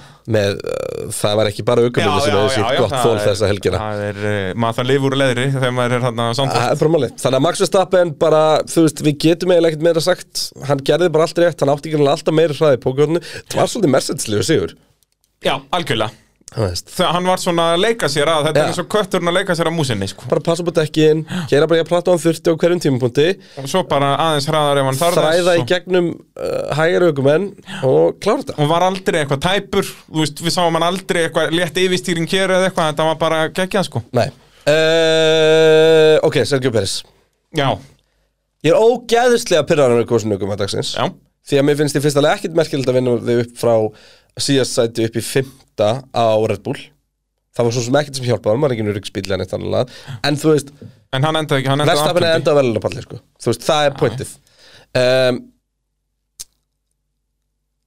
Hann rústar dekkjunum sínum hann í byrjun já, eðilegur bara, var það vinstra að framann Hægra framan hægra að framann, hann bara, Og það er bara ónýtt, þannig að bara Já. keppnistrakitiðan og harðigangurinn er bara ónýtur já, um, hann var fínt agressífur í að fara fram úr og flotti framvarakstur og flottir akstur og fínt ringtími þegar maður er í reynulofti en þetta er bara ekki bóði Nei, þú veist, þetta er honum Þetta samt- að kenna að það, Ah, þetta þú veist- skrifast 50-50 og hann og leiði myndi ég segja já, það er honum að kenna að hafa ekki bara drullast að fara aðeins hraðar á fyrsta hrinnu sinum í Q1 og svo skrifast á liðið að senda hann út allt og sent þú veist en þetta var vitað það vissu allir góðir að þeir þyrftu alltaf að ná þessum ring ok, það var ekki vitað að brautum myndi verða sekundur hraðari en það, þú veist við bara erum ekki að sjá hina lendi í þessu Við erum ekki að sjá Hamilton dett út í Q1 Við erum ekki að sjá Verstappen dett út í Q1 Já, botta, sem nú Eða helsti- Norris, skilur Já, já. við, sem að datt reyndar Út í Q2 út í Q2 núna og næstum því út í, hann endaði bara 15 í Já. Q1 um. En hérna, þú veist, aðal Þú veist, við verðum að tala um Bottas ef við tölum um Peres Þú veist, hri- fyrsti hringurinn á Bottas var alveg nógu góður þannig að hann myndi ekki detta út og Já. Mercedes sem var mun verið þessa helgina Já, Þú veist, það er það sem við verðum að tala um já, og vissulega, jú, Peres, ég myndi segja að Peres verið betri kappatsvarsökumæður heldur um Bottas en hann þú veist, hann á ekki að þurfa þess, hann á bara að ræsa Nei. fjörði Og fyrir mér var aukumann dagsins Max Verstappen því að hann varðist tveimur endurköttum hann varðist því að vera einn á móti tveimur og hann bara kerði þessa keppni að ég held flawlessly sko. eina sem að geta eitthvað réttláta að Peres var ökumæður dagsins er titillin á þessu að þetta er ökumæður dagsins Þetta Já, en er ekki hann ökumaður byrjar á að helgarinnar. skemma daginn fyrir sér sko. en það var svo sem alveg Masipin var nú ekki svo hugulegasti við hann sko, Nei, en þú samt- líka bara átt að vita Já, það að Þetta er Mazepin ekki þetta er massupin og þú 24. ert á þú veist, bíl sem er fjórum sekundum hraðar og ringi kjörn Jep, Þetta er ekkert mál nei og líka bara, ég, þú veist, hvernig hann rústaði það var komin í striga Ég bara hef ekki séð þetta eftir að hafa læst sko. svakalegt sko. Og þetta var nýtt hart sko. Og bara á þriðja ringi eða eitthvað Já, ok, ég held að það, fjórið, fymti ringur eitthvað Ég svona held ekki einu snukur og svona Ég held að, já, að, hva- hvað hann fyrir þann linn á fjórðan að það finna, Já. það hefur gæst hring á undan uh, Sindri Fannar spyr uh, virkilega áhugaður keppnishelgi, finnst að alveg magnað að Lúi Samhæltón er lítið sem ekkert að komast inn í hausin á Max, finnst bara mjög áhugaður hvað andliði þátturinn er stór hluti að þessu sporti Uh, ég spyr, hvað finnst, hvað finnst ykkur uh, um í tilliti til Mind Games, hvernig Max fagnaði eftir sigur heimavelli með uh, allan sinn stuðning sér gegn því hvernig Hamilton uh, var að fagna á Silveston í sumar, uh, burt séð, þú veist, já, ekki tala um þetta Hann er bara klassa. að tala um þetta bara að segja um hvernig Hamilton fagnar Uh, persónulega finnst mér Max verulega sterkur að geði og sem aukumæður í heild þóri ég að veðja fyrir vætni styrtöpæð til pitsins og maður Max er búinn að vinna þennan titil í ár Já, takk fyrir það, er ekkert annað. um, Sko, ég verðilega bara að vera svolítið mikið sammála um, Hvernig hann fagnar í tillitu við Hamilton Ég, viðurkynni, ég hef alveg viljað sjá Max trillast aðeins meira sko. Já, það bara trillast eitthvað Mér finnst það Hann- bara hann lyfti- skemmtilegt, sko. Hann lyfti upp höndunum og brosi- brosti sko. Já, og veist, ég hef gaman af ég, ég hef mjög gaman af Hamilton að fagna á Silveston sko. Já, 100% og bara eitthvað hlaupa um með fánan og passa upp að vera með fána og keira hringin og þú veist, það finnst mér bara auka dramatíkina sem við erum með Algjörlega Ná, veist, það er bara, ég er þjóðhetja, fagnið mér Já. I'm your king hérna sko Já, og, Og- og sko, verðstappin er miklu meira svoleiðis heldur en Hamilton er Já, í sko. því að þú Bretlandi, veist, breytarnir eru fannir að snúast meira bara á Norris og Russellvagnin sko. Já. en varandi þetta að komast inn í hausinn þá er ég að vera samlega ég er búin að halda nokkuð sem á hausinn og Maxi að brotna, hann er ekki af því Nei, alls Þú veist bara eins og þegar hann mi- misti, aðeins, misti sig aðeins þannig á blagamannafundunum í, í Ungarlandi Þú veist, og eitthvað svona Á meðan að til dæmis púið er augljóslega að koma sinni í hausinn á Hamilton Já, já Sem maður einhvern veginn hélt að væru þeim vanur öllu, sko En hann Þannig hefur að- aldrei lent í þessu svona, sko Nei, það hefur þannig alveg að verið hann púað er á alltaf verið hann. elskaður, sko Þannig að hérna Já, það var, en það var bara eitthvað, þú veist, Nico vs. Hamilton Já, þú veist, dæmi, sko. það hefur verið búið á Hamilton en það er skiluru einu sinni yfir einhver eina helgi út af ykkur smá og svo Akkurat. aldrei aftur, þú veist, það er Akkurat. ekki bara um leið og hann, það er fólk fyrir framann hann og þá er búið á hann aftur. sko. Ú, það, sem betur fyrir nú að fólk aðeins farið að þorkast upp úr Eh, Já, já, ég meina þau tölum að fólk á brauninni tala um að, að Megni hefði fagna Hamilton, sko bara búið viðingu fyrir honum já. en hann líka kerði ekki á Max Verstappen í Hollandi Nei, við vorum að djóka með það fyrir um það fyrir Í það hefði bara þurfti einhverja bara brinvarða þyrlu til að slinga honum út, sko Já, samt svona ándjóks, ef að hann úslitin hefur eltun í sjó Ef það er bara verið svo úrslitin- færingur eftir grindakvölum, sko Já, ef að úslitin hefði verið eins og á Silveston, sem þetta Hamilton hefði unnið með því að bomba verðstappin út í vegg hann hefði ekki farið upp á pallin sko. hann hefði andjóks bara það hefði bodyguarda komið og tekið hann og farið með hann eitthvað sko. hann hefði ekki, þeir hefði ekki þórað að riska því að setja hann upp á pall sko. ekki í Hollandi Hollandingar ekki er náttúrulega fræðilegur, sko. vangefnir þegar kemur í þróttum, sko Já, þeir höfðu bara, það er ekkert mál fyrir það að kasta þessum hæningenflöskum yfir áskaplan og á velunapallin sko. þeir eru alveg það veist, með, með sterka upphandleggi sko. Ja. og þeir höfðu líka bara, bara planað þannig þeir höfðu farið í gegnum þessu 70.000 mannsandi grænstandinu siktað út það sem eru með sterkustu upphandleggina setja þá fremst, dælið þeim flöskum og svo bara go for it og smíðaði jafnvel eitthvað slingshot og eitthvað sko. Já, já, bara Það er ástæðanum. bara- þeir höfðu bara Ef þetta er gæst á fyrsta ringi, það er 60 okkar ringi eða 70 okkar ringi til Já, já. þess að græða þetta græði þetta bara ekki vandamáli sko. þeir hefðu bara komið fram við Hamilton eins og þeir gera bara við kritthjóðundur í Indlandi fyrir nokkrum hundruðum ára Uh, André Ödd Viðarsson, Víðisson fyrir ekki, segir hérna einmitt Ávættu séu aukumenn Mercedes, Ferrari, Alpine og McLaren hlið við hlið stóran hluta keppnar sem undirstrykja kannski mikilvæga liðsfélagi í svona keppni. Er þetta bara óöfni á Peres eða þarf Red Bull að hafa ágjörð framistuðas? mér finnst Red Bull þurfa ágjör framistöðans og þú veist, og það var spurning sem að kemur síðan hérna einmitt fyrir neðan sem er Jörundur Guðni og segir Gastli tíu sinnum á þessu tímbilin og top 6 í tímindökum, þetta er staðin sem við vorum að flagga mikið í, í hérna útsetningunni þetta, var- þetta er tíu af 13 keppnum þá. var þetta tíunda núna í Já, Hálfleik? ætli þetta hafi ekki verið tíunda já, ok á meðan að þá Peres er með eitthvað 6, Sjö 7 já. og Og Peres samt á Red Bull sko. einmitt, þú veist, Sem voru er Red besti Bull og bíllinn, fljótur á já. sér að gera samningu Peres fyrir næsta tímbil þú veist, já ég held að það eina sem að geti mögulega sem við vitum ekki, er bara að Peres er að koma með mikið af góðum hlutum inn í liða á baku tjöldin Já, já því að Peres og núna veri, það er- það eru lúmst margir Peres aðdandur þannig að ég, ver, ég fór eftir að fá diss fyrir þetta en sorry, mér finnst Peres bara ekki búin að sína jack shit á þessu tímbili mér fannst að koma hann á tímbili, hann vinnur í Bakú og þar skákaði hann Hamilton hann var, hann verið einu sinni unni Já, hann liðsfélag, skákar ekki Hamilton, Hamilton gerir bara mistök Hamilton hefði ekki gert miðstök ef að Peres hefði ekki verið Já, já, Hann var fyrir honum. vissulega um, þannig að ég ætla að gefa honum það ég ætla ekki að taka allt á honum Nei, nei, hann vinnur verstappin á immola í tímatökum já, that's it já En þú veist, hann er samt ekki Ég myndi ekki segja that's it út af það hefur alveg komið nokkra keppnir sem hann er að- á pari við það sem hann á að vera, þannig að þriði, fjórði nefndum við reyna, mann ekki, akkurat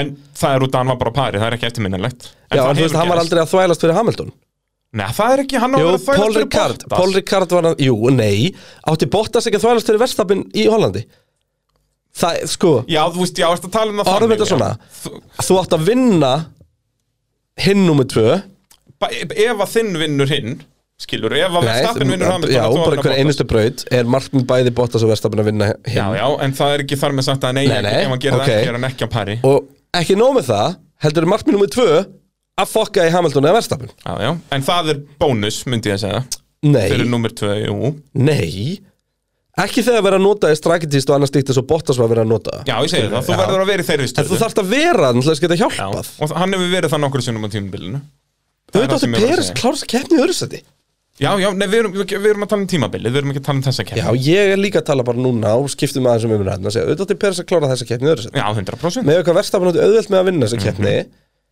Þá áttu Peres með öðru seti Ég Já, í, þú veist, parið það hefur verið þriðansætti ætla bara að minna á að Gastli var fjórði í tímatökum og kláraði keppnina í fjórðasæti á sama ring og fóristan og hvað ger hann?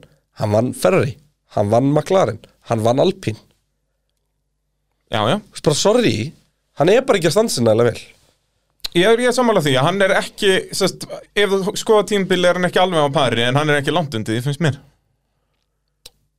Það eru 15 stig á milli hans og Bottas Já, ég segi það, það Sem og er það, alveg sko. og slatti, það, er, það er parið, basically Já.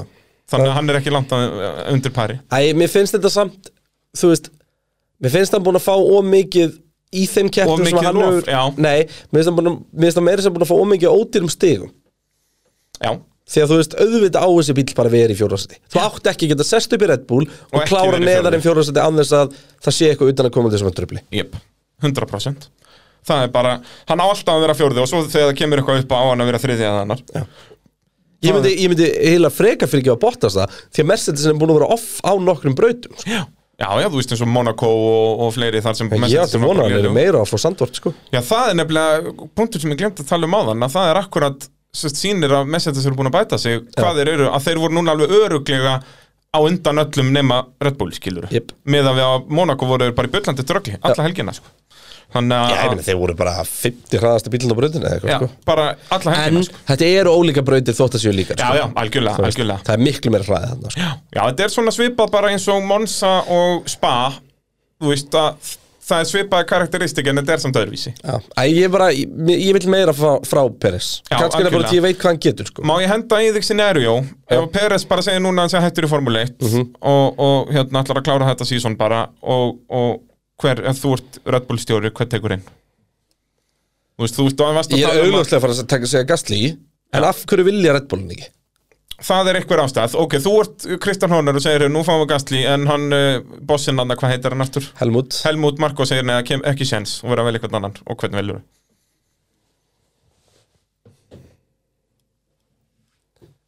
Til að parast með, Bara númer tvö hjá til Red að Bull. parast með verðstappin. Já, já, bara Mætti velja hvert sem er.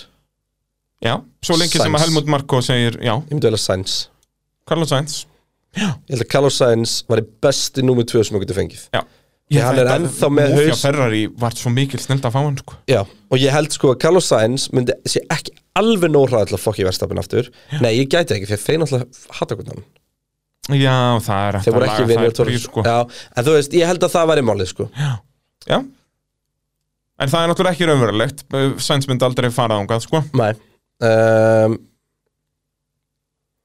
Þannig að við reynum að finna eitthvað aðeins raunverulegra Þú veist út að þú varst að Sko, tala um fyrir að Peres er tímabilið ekkert voru að- endilega sko. Fyrir Face þetta safe, tímabil, þá vorum við að tala um sko að þeir sem var í bóði væru Hulkenberg, Peres og Fettel Já.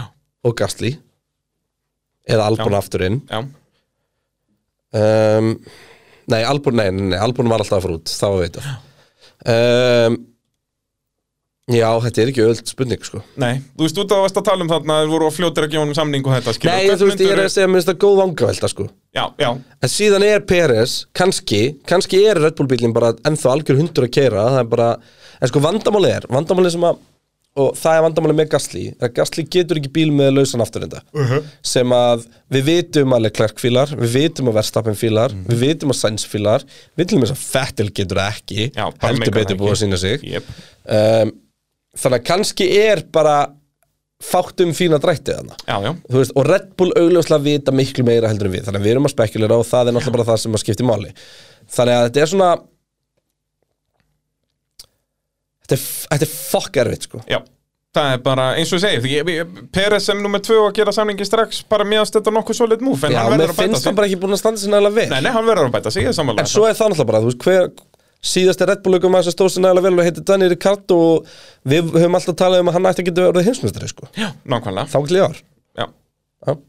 Uh, en bíl næsta ás verður allt öðru já, þetta ég bara er hann svo peppar fyrir sem er Þetta reglubreitingum gæti nefnilega, miðað við hvað margir aukuminnar er erfitt með liðsbreytingar og annað slíkt upp á síkastíð Fettel hjá Ferrari um, ja, ok, þar var enda bara breytinga á karakterinum í bílnum Fettel hjá Ferrari, Ricardo hjá, hjá, hérna, hjá eh, McLaren og svona Þetta gæti meira þess að fokka því en bestu sko. Já, 100% Maður sá það bara þegar að hybridbílatum komið finnst Já. Þá allt í hennu gætt vettil ekki neitt, skilur ríkjandi heimsastæri Já, en þá var nú Red Bullin ekki frábær Nei, en ég með Rikard og vann tvær kemnir á honum Já, það er alveg rétt Menna vettil var bara, þú veist, náði einu velunapalli eða eitthvað Einmitt. Uh, Kolbett Karl spyr Holland og Austuríki henda Red Bull báðar mjög vel en uh, mér finnst Verstappen vinna munstæri sigur í Austuríki er það rétt álegt að þú ætla að síni Mercedes-bílinn hafi fælt nær Red Bull-bílnum Já, það er bara fakt, bara þessi breyting sem kom fyrir Silverstone Já. var mjög góð á, Red Bull, eh, á Mercedes-bílnum 100% og þeir eru klálega konun nær Já uh, Var eitthvað svona En ég er samt ekki endla alveg á því að þetta sýnið að svarta og hvítu en það er Nei, hluta það af er því. raunin, já, já, já, akkurat uh, Það var ekkert almennilegt pit crew uh, feil uh, helgarinnar sem að uh, myndi þurfa að skella sér við verkvarðasölu mm. Þú veist, Benz fyrsta stoppið á Hamilton var ekkert, það var Það var alveg alltaf voða, sekundahægar það var alltaf voða skrítið hann eftir að Russell klesti í tímatökunum Manstu? Það Já, var svona sem vissu ekki hvort skrítið. það ætti að gera við bílinn eða ekki Herðu, jú, ég veit hverju þurfa að fara í verkvæðarsólina Já, 100% Það eru eftir fyrstu æfingarnar Mennindir sem voru að dandalast í bílum með fett Já. Þeir þurfa að næla sér í einhverja uh, góða hanska og svona dót Já, ný slökkutæki Nýtt lökkutæki og síðan svona skrújat sem að leiða ekki eru með svona plast Já Og þurfa, já, þurfa að græja sér vel Já. upp í verkvæðarsölu Þetta var svo skrítið, það voru 40 mínútur sem við standi kringu bílinn Já, en við sáum þetta líka eins og á Silveston með krassaða Red Bullin hjá Verstappen Já. að þá, að þá þarf að sækja eitthvað svona sérbúna sem er greinilega Já, en það tók þú veist, tvær mínútur og þarna var hann bókstallega við endan á pillirinu sko. Það er greinilegt að þið grafa þetta eitthvað staðar mjög djúft allan búnaðin til að að stjó- sjá um þetta sem er mjög steikt. Og náttúrulega Fettel sjálfur hann bara orðin brunavörður og eitthvað Já, sko. já, hann náttúrulega elskar að vera það Herri já, það er, við ætlum að senda þennan hóp upp í verkvæðarsölu Yes. um að gera. Uh, ég var þá að tala um Ferrari. Já, Uh, en það er ekkert að tala um Ferrari Því að þeir mættu bara, voru á sínum stað Fyrir utan jú, þeir vinna, vinna Það McLaren var svo leiðileg keppni líka. En það, þetta var sennilega leiðilegasta keppnin hjá hérna, hjá, af öllum var það hjá Ferrari Mér við getum minnst á það að Carlos Ferrari Sainz og Alpine kannski, en Alonso... Nei, náði Alonso honum- Já, að rífa sig í gang Það það er rétt. um, Sainz Missir krassan Landa alltaf sig. hann í, í þriðja æfingum, í þriðju beigju um, En annars þá var þetta bara get Mhm. basic Þú veist, 50 og 70 tímatökum, 50 og 70 keppni Ekkert að frétta, Nei, En Bara- ekki, ekkit slæmt af þetta heldur sko Nei, nei, þetta var bara uh, rock solid og náttúrulega aðalmálið er að nú er bara ég kom með dágott foskot á McLaren 11 Heldur og hálft betur, stig. það var mikilvægt Já. Ferri Og að nýta líka- sér þetta Sem sagt, og svo náttúrulega kemur ný vél eftir Monsa sko. og þá verði þeir náttúrulega McLaren eiga eftir að tanki sér 11 stig af þeim á Monsa spá ég En Við þurfum undan aðeins að pæli því núna Því að núna eru komið vandræði sko Hvenær ætla verðstafin að taka vélarhauksinguna sinna? Já, Hvar myndur þú gera það? það fer eftir tímatökunum bara Pan- þeir þurfa að býða eftir að hann skíti í tímatökum Verðstafin er ekki verið að skýt Nei, tíma það er, ég, þegar ég var Við að segja þurfum að, við þurfum setninguna- að, við þurfum að plana þetta fyrirfram sko Hvar myndur þú taka þetta? Eh, Gera, gæti gert það strax á Monsa Já. En það er úr snemma Ef að það verður kert ef hann fullt kemur, tímabil. já það er rétt uh, Ég er að hugsa Sochi sko Sochi er svona Mercedes stronghold sko og gefum okkur að verðstafin náði þriðast tímatökum hann verður áttundi hann er alltaf að vinna sig aftur upp í þriða Já, sem væri þá svolítið bara þar sem hann á að klára og sko. jafnvel annað sko spurning að botta sér þetta segur í Sochi Já. það er auðvitað að fara framöðar með langan DRS kabla Já, Sochi er, er gott sjátt sko ég hugsa svona af þeim brautum sem eftir eru Eða Tekur ekki. jafnvel bara eitthvað svona bara einn Fer eftir hvenar bara einn verður Ef, það, ef hún verður, það er ekki ennþá búið að Red Bull, staðfesta þú það veist, Ég ætla að myndi segja að Sochi væri svona svo braut sem að væri sko ólíklegasti sigur verðstafin af þeim sem eftir er Jafnvel bandaríkinu, við fyrir þangað Nei, ég er bara held að Red Bull verið geggjar í bandaríkjum sko. Já, á Austin, já, það er Já. rétt Þannig ég myndi vilja koma þanga með ferska vél sko. Já, já, Sochi, þetta er gott sjátt hjá þér Christian, það mætti alltaf að við sér eitthvað hvað varst að tala um Nei, Nei, uh, Otto Valur spil, spyr uh, hvað er málum með Ferrari og hörðudekkin rundu í hraða í lokin, bæði Sainz og Leclerc uh, geti þetta verið vélin eða voru hörðudekkin ekki nógu sniðut bett á þessari braut virtust verri en millur, þetta var nefnilega áhugaverð Já, en síðan var Verstappen drulli fyrir þeim sko.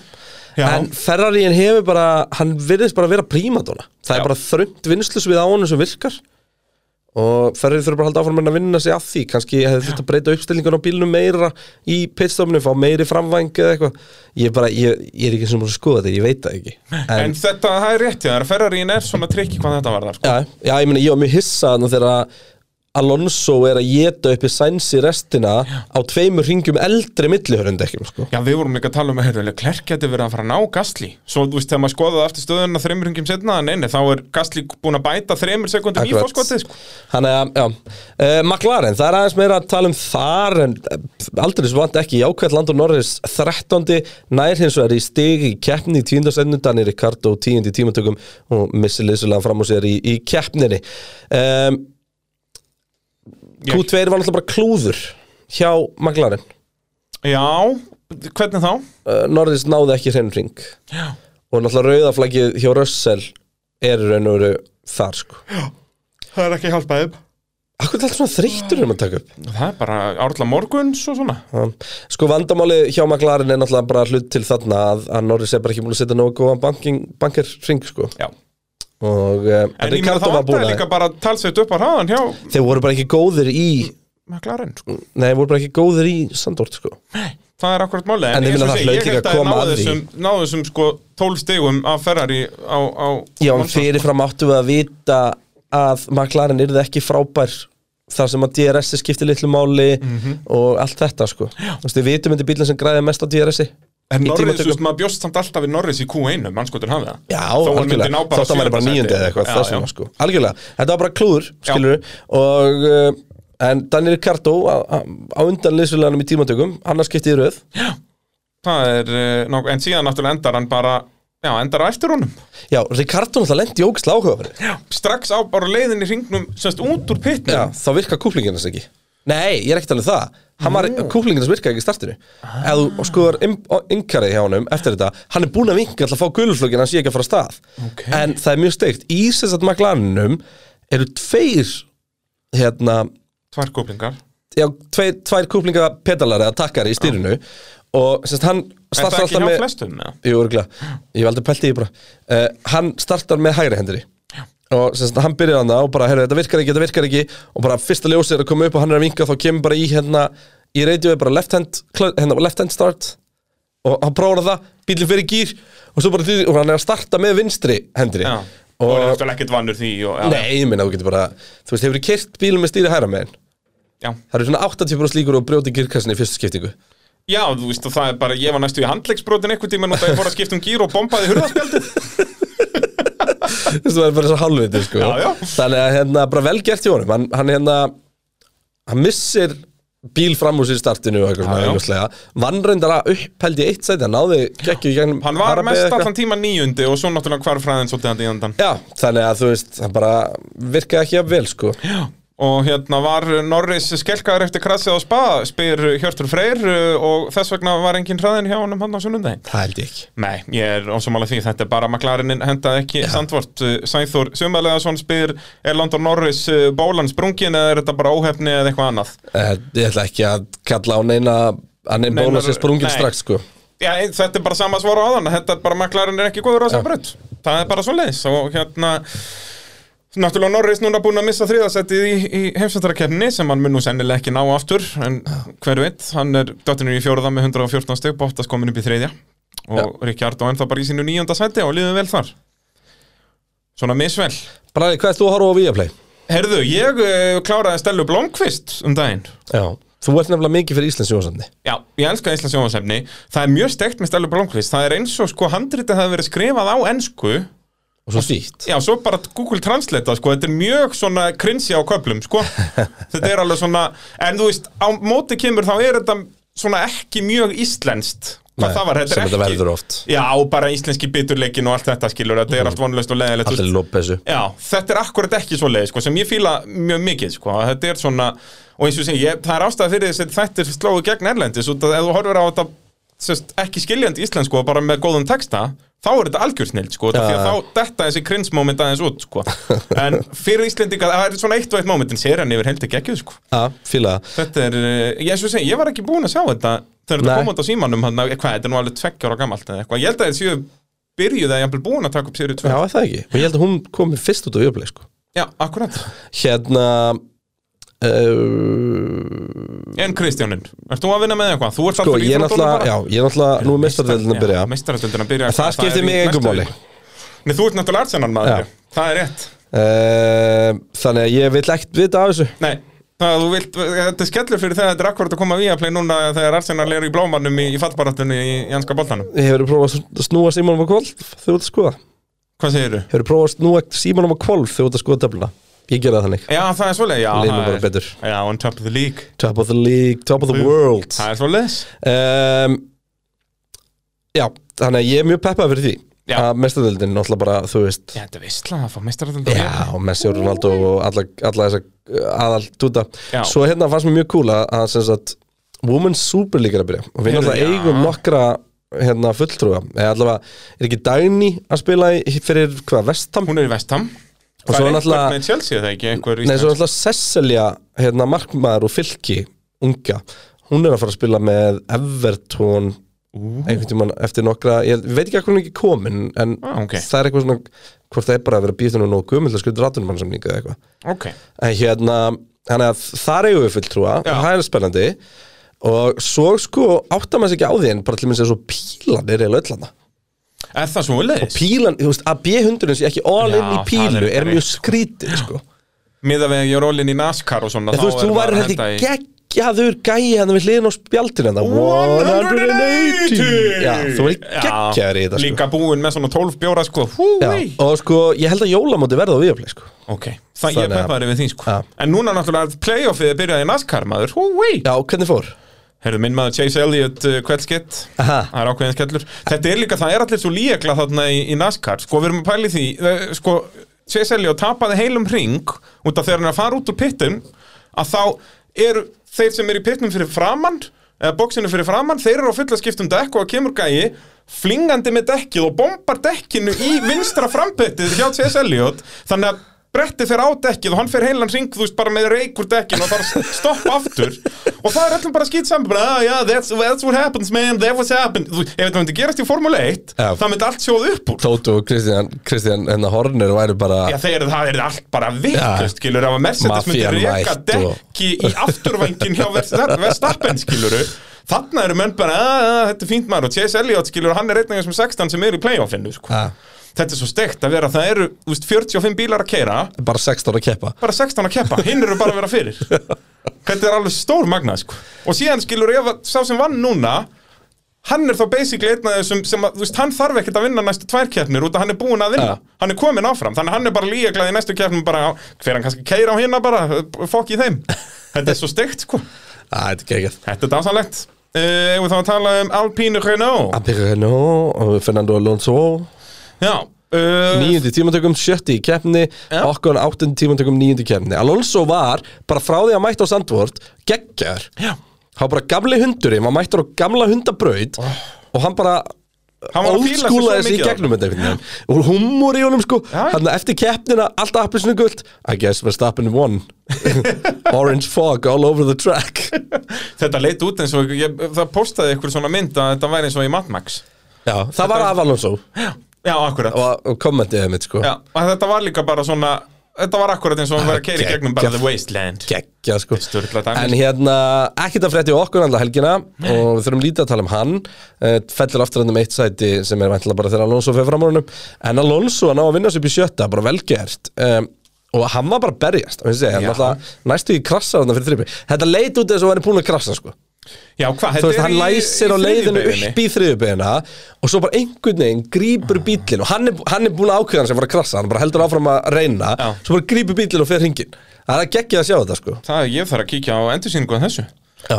að, hérna, og þá færa okkur yfir í Alfa Tauri Hvernig væri það? Uh, Gasly PR Gastli geggjaður. Vá, hann var aukumar helgarnar Já, 100% Fjórði í tímatökum og klára fjórði Já Menni Juki sem nota resti 15. og fellur úr leik Já, það er eitthvað, eitthvað vélar Vélavesen Og þú veist Það vélavesen var nú alveg svolítið algengt þetta Já, samt deila minna en ég bjóst við sko. Já, já, og það var alltaf mikið á föstum en eins og ég var að útskýra í á æfingunum fyrir þá sem voru að horfa og ég útskýra fyrir hinn líka Já, ekki Við erum sérst komin á þann stað í mótinu núna þar sem að vé- vél 1 þú veist, þú er með vél 1, 2 og 3 yfir tímbilið og, og þú byrjar að keppa með vél 1 og nota vél 1 í allt og svo þegar hún er komin svona, þú veist, svolítið marga kilómetrar komin tíma frá vél 2 þá hendur vél 1 alltaf í bílinn á fyrsti mm Mhm. -hmm. þangalur bara springur Ég er að lendi eins og í F1 2021 Þá þarf ég að vera að hugsa um þetta allt Þetta er grjóthart heldsvesen Já, nei, þetta er snilt, samt að vera bara, þú veist, fyrir keppniselgi eins og ég fattaði þetta ekki þegar ég var í Bakú út af þá var ég mitt fyrsta vélina að fara yfir ekki að samkvæmið, sko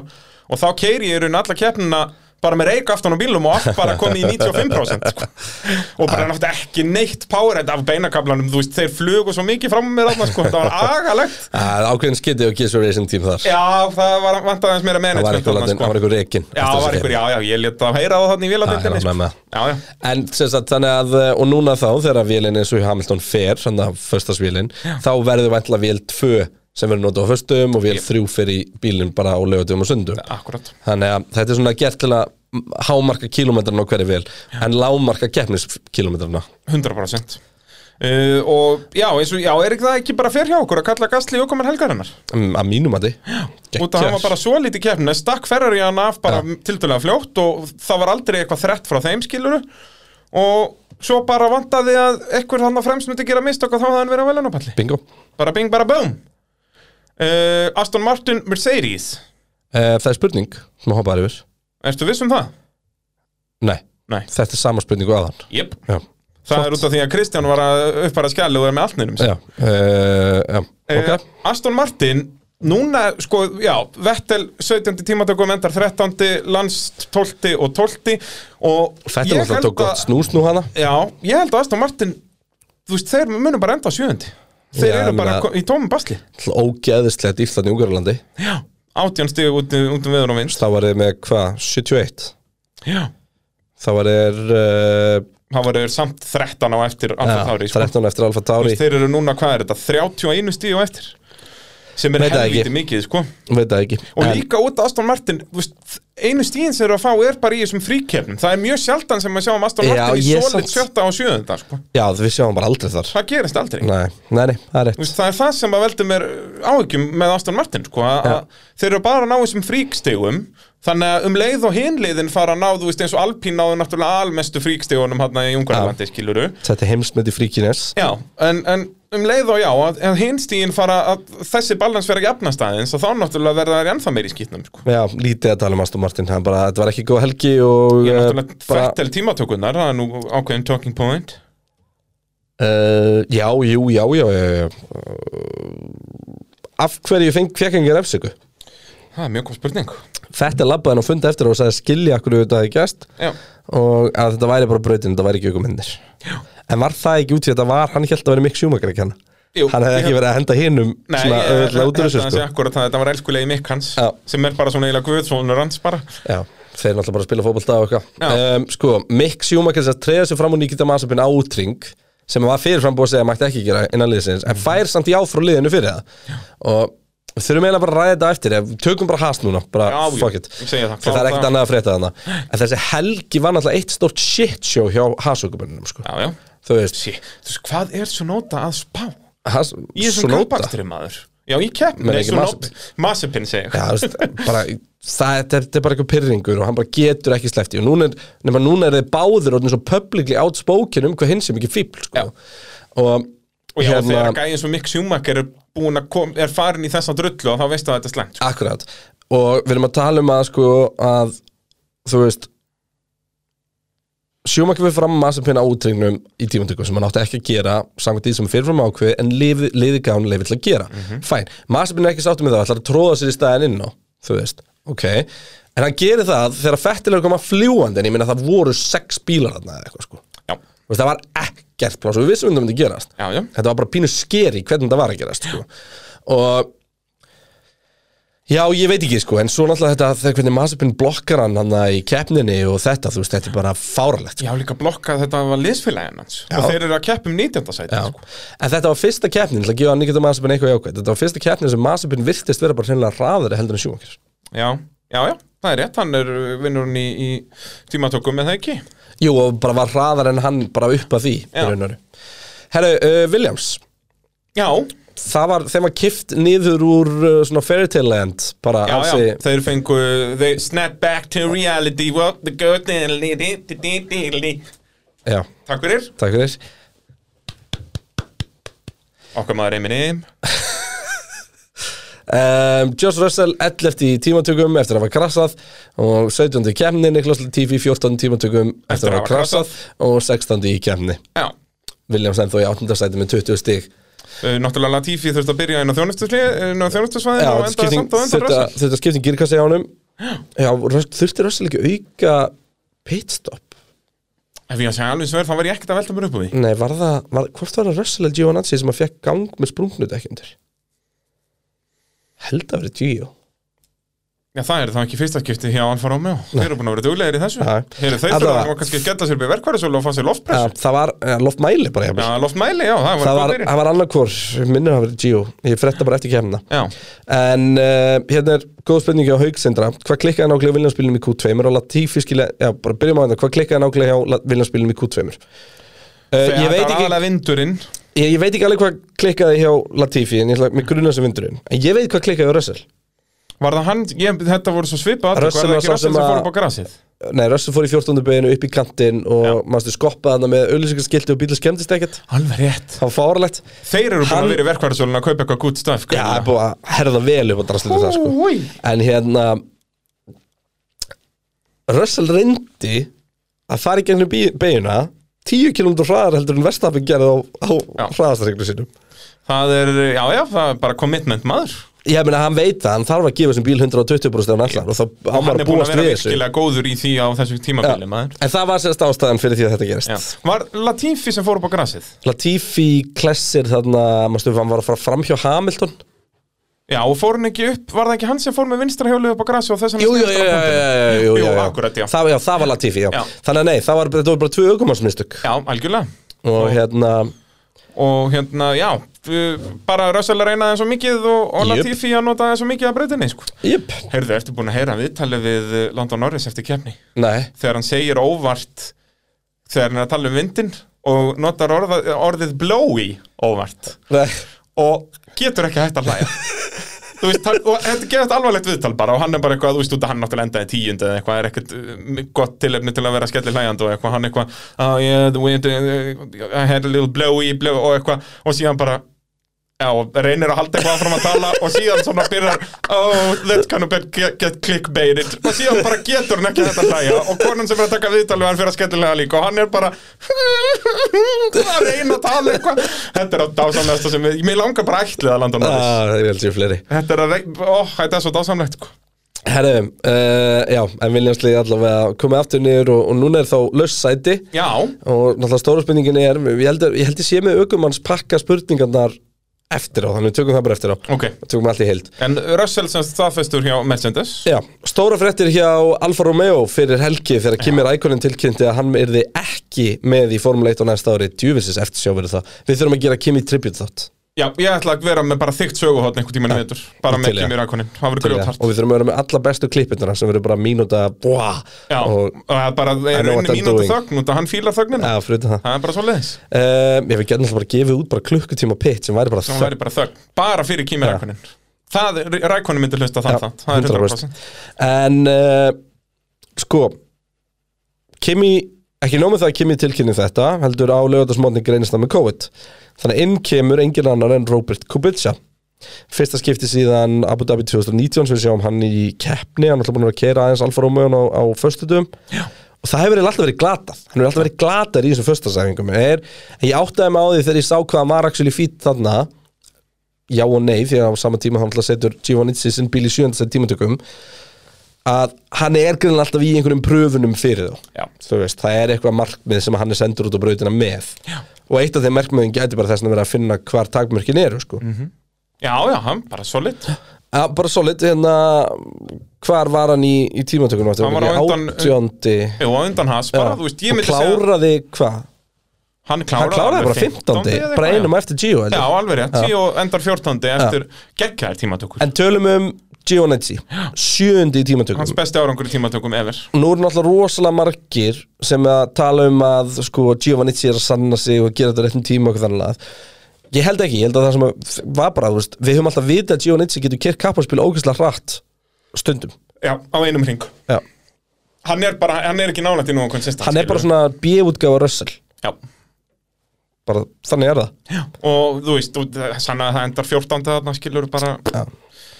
Já, Yes. bara Afskaplega lítið spennandi, það er nú bara svo leiðis já, hann enda sko lendir hann í því að honum er hent aftur listan af Alonso og fleirum hann á fyrsta ring og uh, já, svo jú, og svo, og svo var sprungið ekki á hann hann þurfti að taka auka þunnustili Já.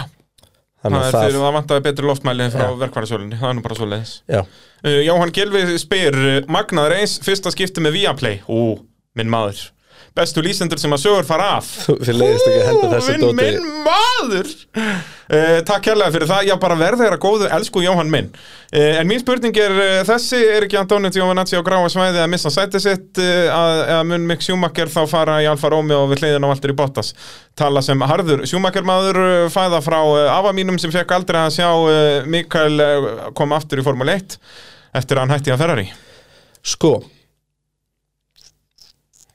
Ég er ekki viss En ég vil Það- sjá það gerast Já, það verið geggja, það var Bottas Já, og það, það er klálega alveg að hjálpa uh, Mikael Nei, Mikka að, að hérna að, að Nikita er farin að haga sér svona Já. um, Út af því að Nikita er ekki að fara að fara frá hans Nei, nei, hann er þannig bara peningarnir bara, Yes. hann fyrir ekki neitt Þannig að Já, Það, já, þetta er góða punktur, að það sé að hjálpa mikk Að fara yfir, sko. Masipinn er mikil tík Þannig að ef að það er einhver pæling þú veist, þeir eru ætlum við að geima mikk þar annars sísón eða ætlum við að hérna þú veist, eða ætlum við að koma inn með Illiot eða hvað þú veist, og ef þú skipt úr Giovannizzi fyrir Illiot eða eitthvað áleika þá, þá er það eina, uh, þú veist, lógiska stöðin að setja Mick Schumacher í Sáber sem eru frægir fyrir að ala upp aukumenn og fá Valtteri Bottas, honum við hlið sem er geggja þægjulegulegisvilagi en samt ógeðslega góður heldur hann að hafa hann í einhverju shitshowi hjá Haas Yep. sem er ekki svona almennilega vestmiða neitt sko. Nei, ég segi, það henda Elliot í sitt sjóið og henda Mick Schumacher upp um eitt level Alfa Romeo er alltaf með þú veist geggjaðan hermi og allt já. sko þannig að sem Það var nú bara að 100%, komast í, í 100%. notkun á þessu tímubili Svo er spurning hvort að Rækonin uh, tæki upp eitthvað svona management ról Það er mikið búið að vera að tala um það með Alfa Romeo Já, og náttúrulega klassíski jokerinn að vera með podcast og lýsandi en það er um þess að það er stórfenglegt uh, Við náttúrulega kláruðum Haas svolítið áðan uh, Við hérna Það eru nok það eru nokkrar spurningar eftir en ef ekki fyrst að taka þetta hér slowly taken. Bádómskeppni Pitsins árið 2021 Það er ég sem að veit allt um Formule 1 What's in your Þá ert þú sennilega vitrasti maðurinn í þessu stúdíu head? Ég hef búin að vera mjög óhefn samt í svona momentum í Nei, þú veist, á þess að við Jú, það er spátdómskeppnin, uh, gamli K-hundur Já, Búm búm uh, Pá. Þú spáðir Verstappen rétt pá, Hamilton rétt pá Peres Rangt. kringvillust, mínus 5 Bottas uh, í fjórða, mínus 1 á það Norris í fymta, mínus 5 á það Leclerc uh, mínus 1 Sainz rétt sjöunda sendi, pá Pá. Sko um leið og við förum að spá sjöunda sendinu þá kemur Kristján Sterkurinn með rétt uh, en svo Gastli mínus 4, þetta hann endaði náttúrulega fjóruði grjótnarður Uh, ég var með Verstappen, Hamilton, Bottas, pá, pá, pá Triple pow Triple Bell og Peres bara mínus fjórir uh, svo erum við með Norris alveg svo þú í fymta en það er Norris alltaf fymti uh, svo Já, erum og við ekki Sainz nóg með það sko, við vorum henni 15, hann er alltaf 50 En út í að hann var ekki 50, þá fengum við alltaf báðir 5 stig fyrir hann já, já, það er málið að það, það, það verður alltaf svo svipað út Já. að við erum með alltaf sama stað þó að röðin í keppni sem Já. er með fárálega þá fáum við sömu stíin uh, svo erum við Sainz í staðin fyrir Leclerc hvað mínus einn á það því að hann var einum neðar en ekki einum ofar eins og Leclerc var uh, svo erum við Leclerc hvað mínus tvo á hann þar sem þú varst með Sainz sem var rétt og svo erum við Fettel og fæ mínus 5 á hann en með að þú varst bara mínus 4 fyrir Gastli Takk þannig að fyrir. tapa einu stíi á þig þrátt fyrir að hafa hann top 4 var mun réttara hjá mér að e, þá tapa ég einu, einu stíi og e, þá er staðan þannig að þú ert með 313 og ég 320 þú ert sjöstugum á undan Yes, hefur þá að henda okkur í spá dagsins Já, ég ætla í Monsa að spá Hamilton Verstappen Bottas Peres bara út að ég held að eh, Mercedesin verði betri þarna og, og, Og ég segir, og segir hvað ég ætla að gera sennilega það sama Hamilton Verstappen Bottas Peres yep. Þetta er kannski að vera með Norris 50 Svo ætla ég að hafa Norris 15 og hann er alltaf 50 og sammála Svo út að ég held að Ferrari verði ekkert spes þá ætla ég að henda Gastli á undanlega klærk Já, fyndið því ég er með Gasly líka í sjötta Já, þannig að við erum með Já. fyrstu 6 ins og vilt þú ekkert breyta því að? Nei, Ok uh, og svo eru mér klærk og Ríkjardó ég er með Alonso og Leclerc Ok, þannig að Alonso og Ricardo eru svona valdkortin okkar og það mun munna einu stíu áli klærk alveg saman hvernig þér Já, Þetta er mjög skemmtilegt þannig að við erum bara Þetta er bara eins og við höfum verið að setja pening á Alonso og eh, Ricardo og Ricardo Já. Og, En og sko- Alonso er hæðir enda virkilega gott sjátt Já, ég held að Alpine verður bara góður þetta sko Já, þetta er, og ég er að kveldskýta Nei, nei, nei, Nei. Ég, þetta er líka Þetta er líka akkur, þetta er brautin sem að Ricardo geti mattsa Norris á sko Já, þetta er bara svona basic bremsupunktar Já. og hugulheit Já, er Um, það gott ef að Monsa er ekki næst hjá mér? Nei, ég er búið með Monsa Ég man ekki hvað er næsta braut hjá mér í F1 Búið með Sochi Ég er ekki búið með, jú, Sochi geti verið næst Já. Þú veit að ég er komin á þarna final stretchið, sko Hérna, sko um, Það er svona eitt liðana sem við erum ekki með inn í spótskefn okkar sem ég er umlega hef lúmska trú á sko. sem er Aston Martin Já Nei, þeir hafa ekki verið, þeir eru góðir í þessu hinnu, það segi ég, þeir voru grútaðar á Sandvort Fínir Bakú Já, en voru líka fínir í Monaco Fettel var fínir Monaco Já, já það er rétt, kannski geti Fettel komið en ég ætlaði fyrst að setja hann setja Ricardo í staðinn, sko Já, já, já ég, ég stend með þessu, ég er sáttum með spá En já, ég já, held að það, ég, En, þú en veist, þetta- hlustendur þetta- eru ekki sáttir með þetta Þetta er raun og það sem við erum að segja er að, er að sko, Mercedes ætti að vera betri á Monsa Það er samt ekki gefið sko. Og að Ferrari verði ekkert spens Það er basically Já, það því sem við miður. erum um. sammálum því að ég væri svo þú veist, ég væri svo til í eitt frík Leclerc, Sainz, bara- Sigur og bara Tifosi, bara Já, samt eins og- ölduna já, Ef að núna, ef að Ferrari myndi taka fríksegur Það er þið bara eins og 1988 sísonið Já. Þá voru Ferrari með frík sko fyrsta á annað Eftir að, þú veist, þá er MP44 bílinn á- í fullu fjöri sko með- Hjá McLaren og vann allar keppnir Nefnum þetta var eina keppnin sem eru ekki það tímbil út að það er backmarker sem klessir á senna einmitt, Þannig að Gerard Berger vinnur Með eh, okkar mann eh, Michel Alboretto í öðru sendi já, já, sem að á að, Guðmund fokkin almattur Ég þyrfti eiginlega að taka það, nei ég er búin að nefna það núna Ég verði eiginlega að taka þetta núna ok, Sérst Monsa, nei, nei þú, þá átt eftir ekki researchið til þess að við séum með ég, er, samband ég er búin að taka Ok. okay. researchið sko. ok, hvað er með? Sérst Parabolika Einn er ein frægasta frægasta beygja beygja bara í í heimi. Formule 1 Já. Það er verið að fara að endur nefna hana Eftir Michel Alboretto Sem að enginn veit hver er En fólk kæklu, já ok, hann var kannski geggjaður inn í gamla þetta Við erum að tala um öngum að hann vann fimm keppnir á ferlinum Hann var aldrei meistari, aldrei neitt Þetta var bara svona konungur meðalmennskunar og það er verið að fara að nefna frægustu beigju Þetta, formule þetta 1 var svona Nico Rosberg þangar til að Rosberg var mestari Já, eða bara Johnson Button þá hvernig hann var meistari bara eða Valtteri eitthvað. Bottas Já, þú veist, þetta er bara þannig Nei, Bottas er búin að vinna miklu fleiri keppnir Bottas er búin að vinna 11 keppnir eða eitthvað Nei, ekki tíu, já, níu, tíu ætlum ég Já, maður eitthvað svo leið, skilur Þannig að hann er að Bottas er miklu meira legend heldur en Michel Alboretto Og, þú veist, ég fór að gera research hver, Þú veist, hver er á Þú varst þessum standart að fórst eitthvað að tala um breska aukum á Silverstone Ef við tökum, skilur, að það er bara endurnefnd cops Já, Eftir, því að þetta er það stórt já, dæmi, sko. já, þetta er stærra Parabolica er vinsall beigja heldur en cops já, Þú veist, ef þú talar um beigjur í Nei, já formule og 1 nei já. Alla, allavega á pari Já, já. og, og þá erum við að tala um sko annarkvort John Watson eða Eddie Irvine Þeir eru, þetta er á þe- þessu kaliberi Ok, Eddie Irvine beðan Já, Eddie Irvine á, á þú veist, og við erum að tala um að þeir nefndu sko eh, í fyrra nefndu þeir ónefndan beinankabla eftir Hamilton Já. sem er sjöfaldur heimsmeistar og það var samt pínu svona mm, Hann er ennþá að keppa Já, hann er þá að keppa, þú veist, þetta var svona pínu iffi að vera að nefna, nei, nei, ekkert vera að breyta þessu. Það er verið að fara að nefna fokkin parabolika eftir einhverjum fá þetta. þetta er agalegt, sko.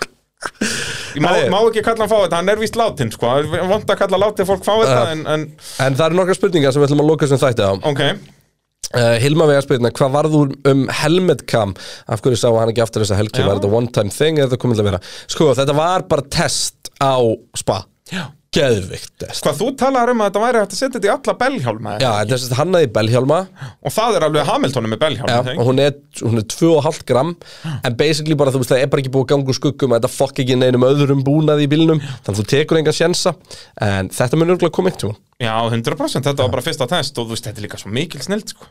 Og svo náttúrulega það líka aðtúa með öryggisatri, skilur, út að þetta er sett inn í fómið, skilur, hvort þetta sé ekki örygglega safe.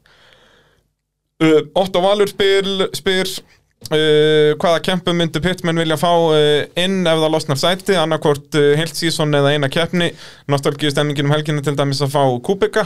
kemur eitthvað Já. á næsta sísunni sko Já, ég segi það, ef- ú, ef að Rækon myndi koma á Monsa eða eitthvað, það væri stjórnlað.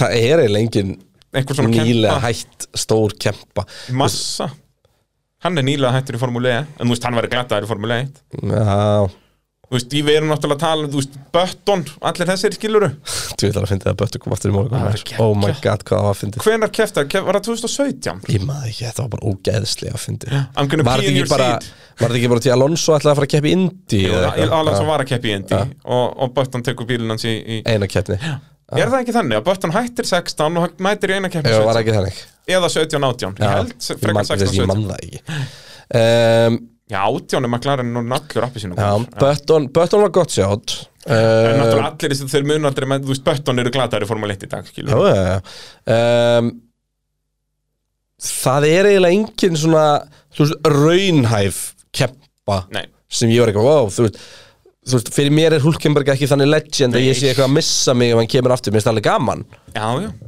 það er spurning hvernig einhvern uh, beigja á, á Núrburgring verið nefnd eftir uh, Hulkenberg Aha. fyrstum vinnur byrjar að þessari vitleysu Þetta skinna hvað ég er brálaður yfir Já, ég er að skynja. Sögum aður um En bráli málið er það, mér finnst allt í lægi að nefna einhverja beigja eftir þessu Já, eða En mér finnst bara ekki lægi beinakabla Já, mér eða finnst bara ekki lægi Já, það er stúku Já, En mér finnst eitthvað bara svona. ekki lægi að, að ne- breyta nafninu á parabolikunni Nei, þú veist, við erum ekki að tala um það að merkasti árangur þess að Michelle Alboretto var basically að vera hann í öðru sæti 1988 Ef Einmitt. þú ert frægur fyrir verið öðru Brá! Bráðar! Herri, Kolbjörn Karlsbyrna, hvernig fáum við pitt live á YouTube eða Instagram? Uh, við náttúrulega erum alltaf live á Instagram fyrir tímatökur og stundu fyrir keppnir En ég held hans ég að meina að við tökum upp svona þátt í beinni sko. Já, já, já, það er uh, gott Getum alveg sagt. skoðað það sko Já, sveimir það uh, Orri Bergmann spyr uh, Ríða drepa giftast Norris Ricciardo og Vettel Þetta er erfiðasta spurning sem ég hef á æfi minni séð Mér finnst þetta nefnilega nokkuð öðveld sko. Já, það er svo auðvöld fyrir því að dreipa fettil Já, já, ég drep Vettel á núleitni uh, Ég ætla að fleng Ríða Ricciardo og ég held hans í góðrúminu og gott fyrir OnlyFansið mitt líka og svo náttúrulega giftast Norris út af mér langar hvað sem er að ætla þannig að það var það basically að sama og giftast honum bara En f- ég held að fetta fari geggja að giftast fettil sko Já, reyndar sko Reynda, ú, það er reynda mjög gott, hann var alltaf Æ, Var ég reyndar- elskar var reyndar- hann, hann var er út í reyndar- garðið með bíflugutna Það er þetta verra fyrir að vera að búa með Norris Þannig að við ætlar að ætla það svo Já, pæri skellur En ég meina það, þú veist, þetta er nýr heimil sem við búum í í dag Já, ég, ég held þetta, er, þú veist, þetta, eru, þetta eru þrýr svona uppáhald karakterinu mínir í Formule 1 sko. Já, já Jesus Christ sko. eh, Hvað hva ætlar krænarinn að hendi? Ég veist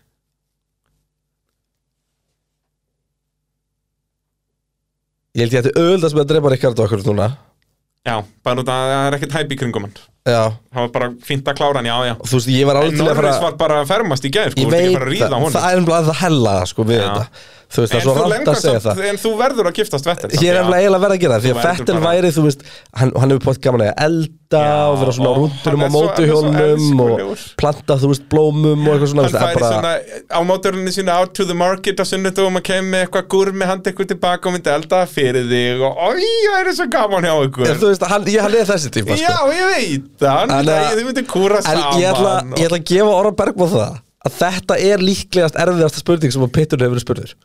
Já, fyrir þig þetta var Fyrir þig líka. Þú myndir flingriða Norris, hættu þessu Þú, þú veist, hann er inexperienced Þú myndir aðeins kenna honum A thing or two in the bedroom Þú veist, svo sjúkur, bræð.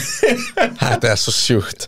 Þetta, er, þetta var gott sjótt. Hérna, Ég- ég held að þetta hann væri er erfiðasta þannig. spurning sem við Hann fengum. væri svona ah, En Craner, sko I við don't erum, know að, what við to erum að do. gefa þessari spurningu alltaf mikið svigurum núna til þess að fá endalust af shitposts inn í framtíðinni. Já, sko. ég fíl, þetta er sem Já, mín ég var, uppáhaldsspurning, ég, en sko. mig langar, no joke, til að taka pitt sem er bara svona bara fyrir Bara með Nei, bjánalögum spurningum. sem er bara fyrir diehard fans og bara spurðu að hverju sem er þú veist bara, ef þið vantar lífstílsráðgjöf frá Braga Þórðarsinni, Ó, já. þá byður um hana Þú veist, ég held að Bara vera í geggja upp- öðrum uppáhalds þjóðsöngurinn okkar og eitthvað svona, eitthvað þvæl sko. Herðu, vá hvað Holland neldi hann maður Úi, já, voru líka bara með eitthvað supermodel að syngja það Þegar, þú veist, það var líka bara, þú veist, bara DJ að dansa á bakvið og svo bara tjest og mættur og, þú veist, flugeldar, bjór, strönd Má ég heyra, ú, ú, ú, ú Það er, ég kann líka meta sko að söngkonan var í keppniskalla en í korsetti yfir honum What a hell of a look What a hell of a look Kappastusbralli var eh, í bölvu brasið þarna, það þurfa að lýsa þarna Þetta var, eh, maður var komin í vesen Það er rétt um,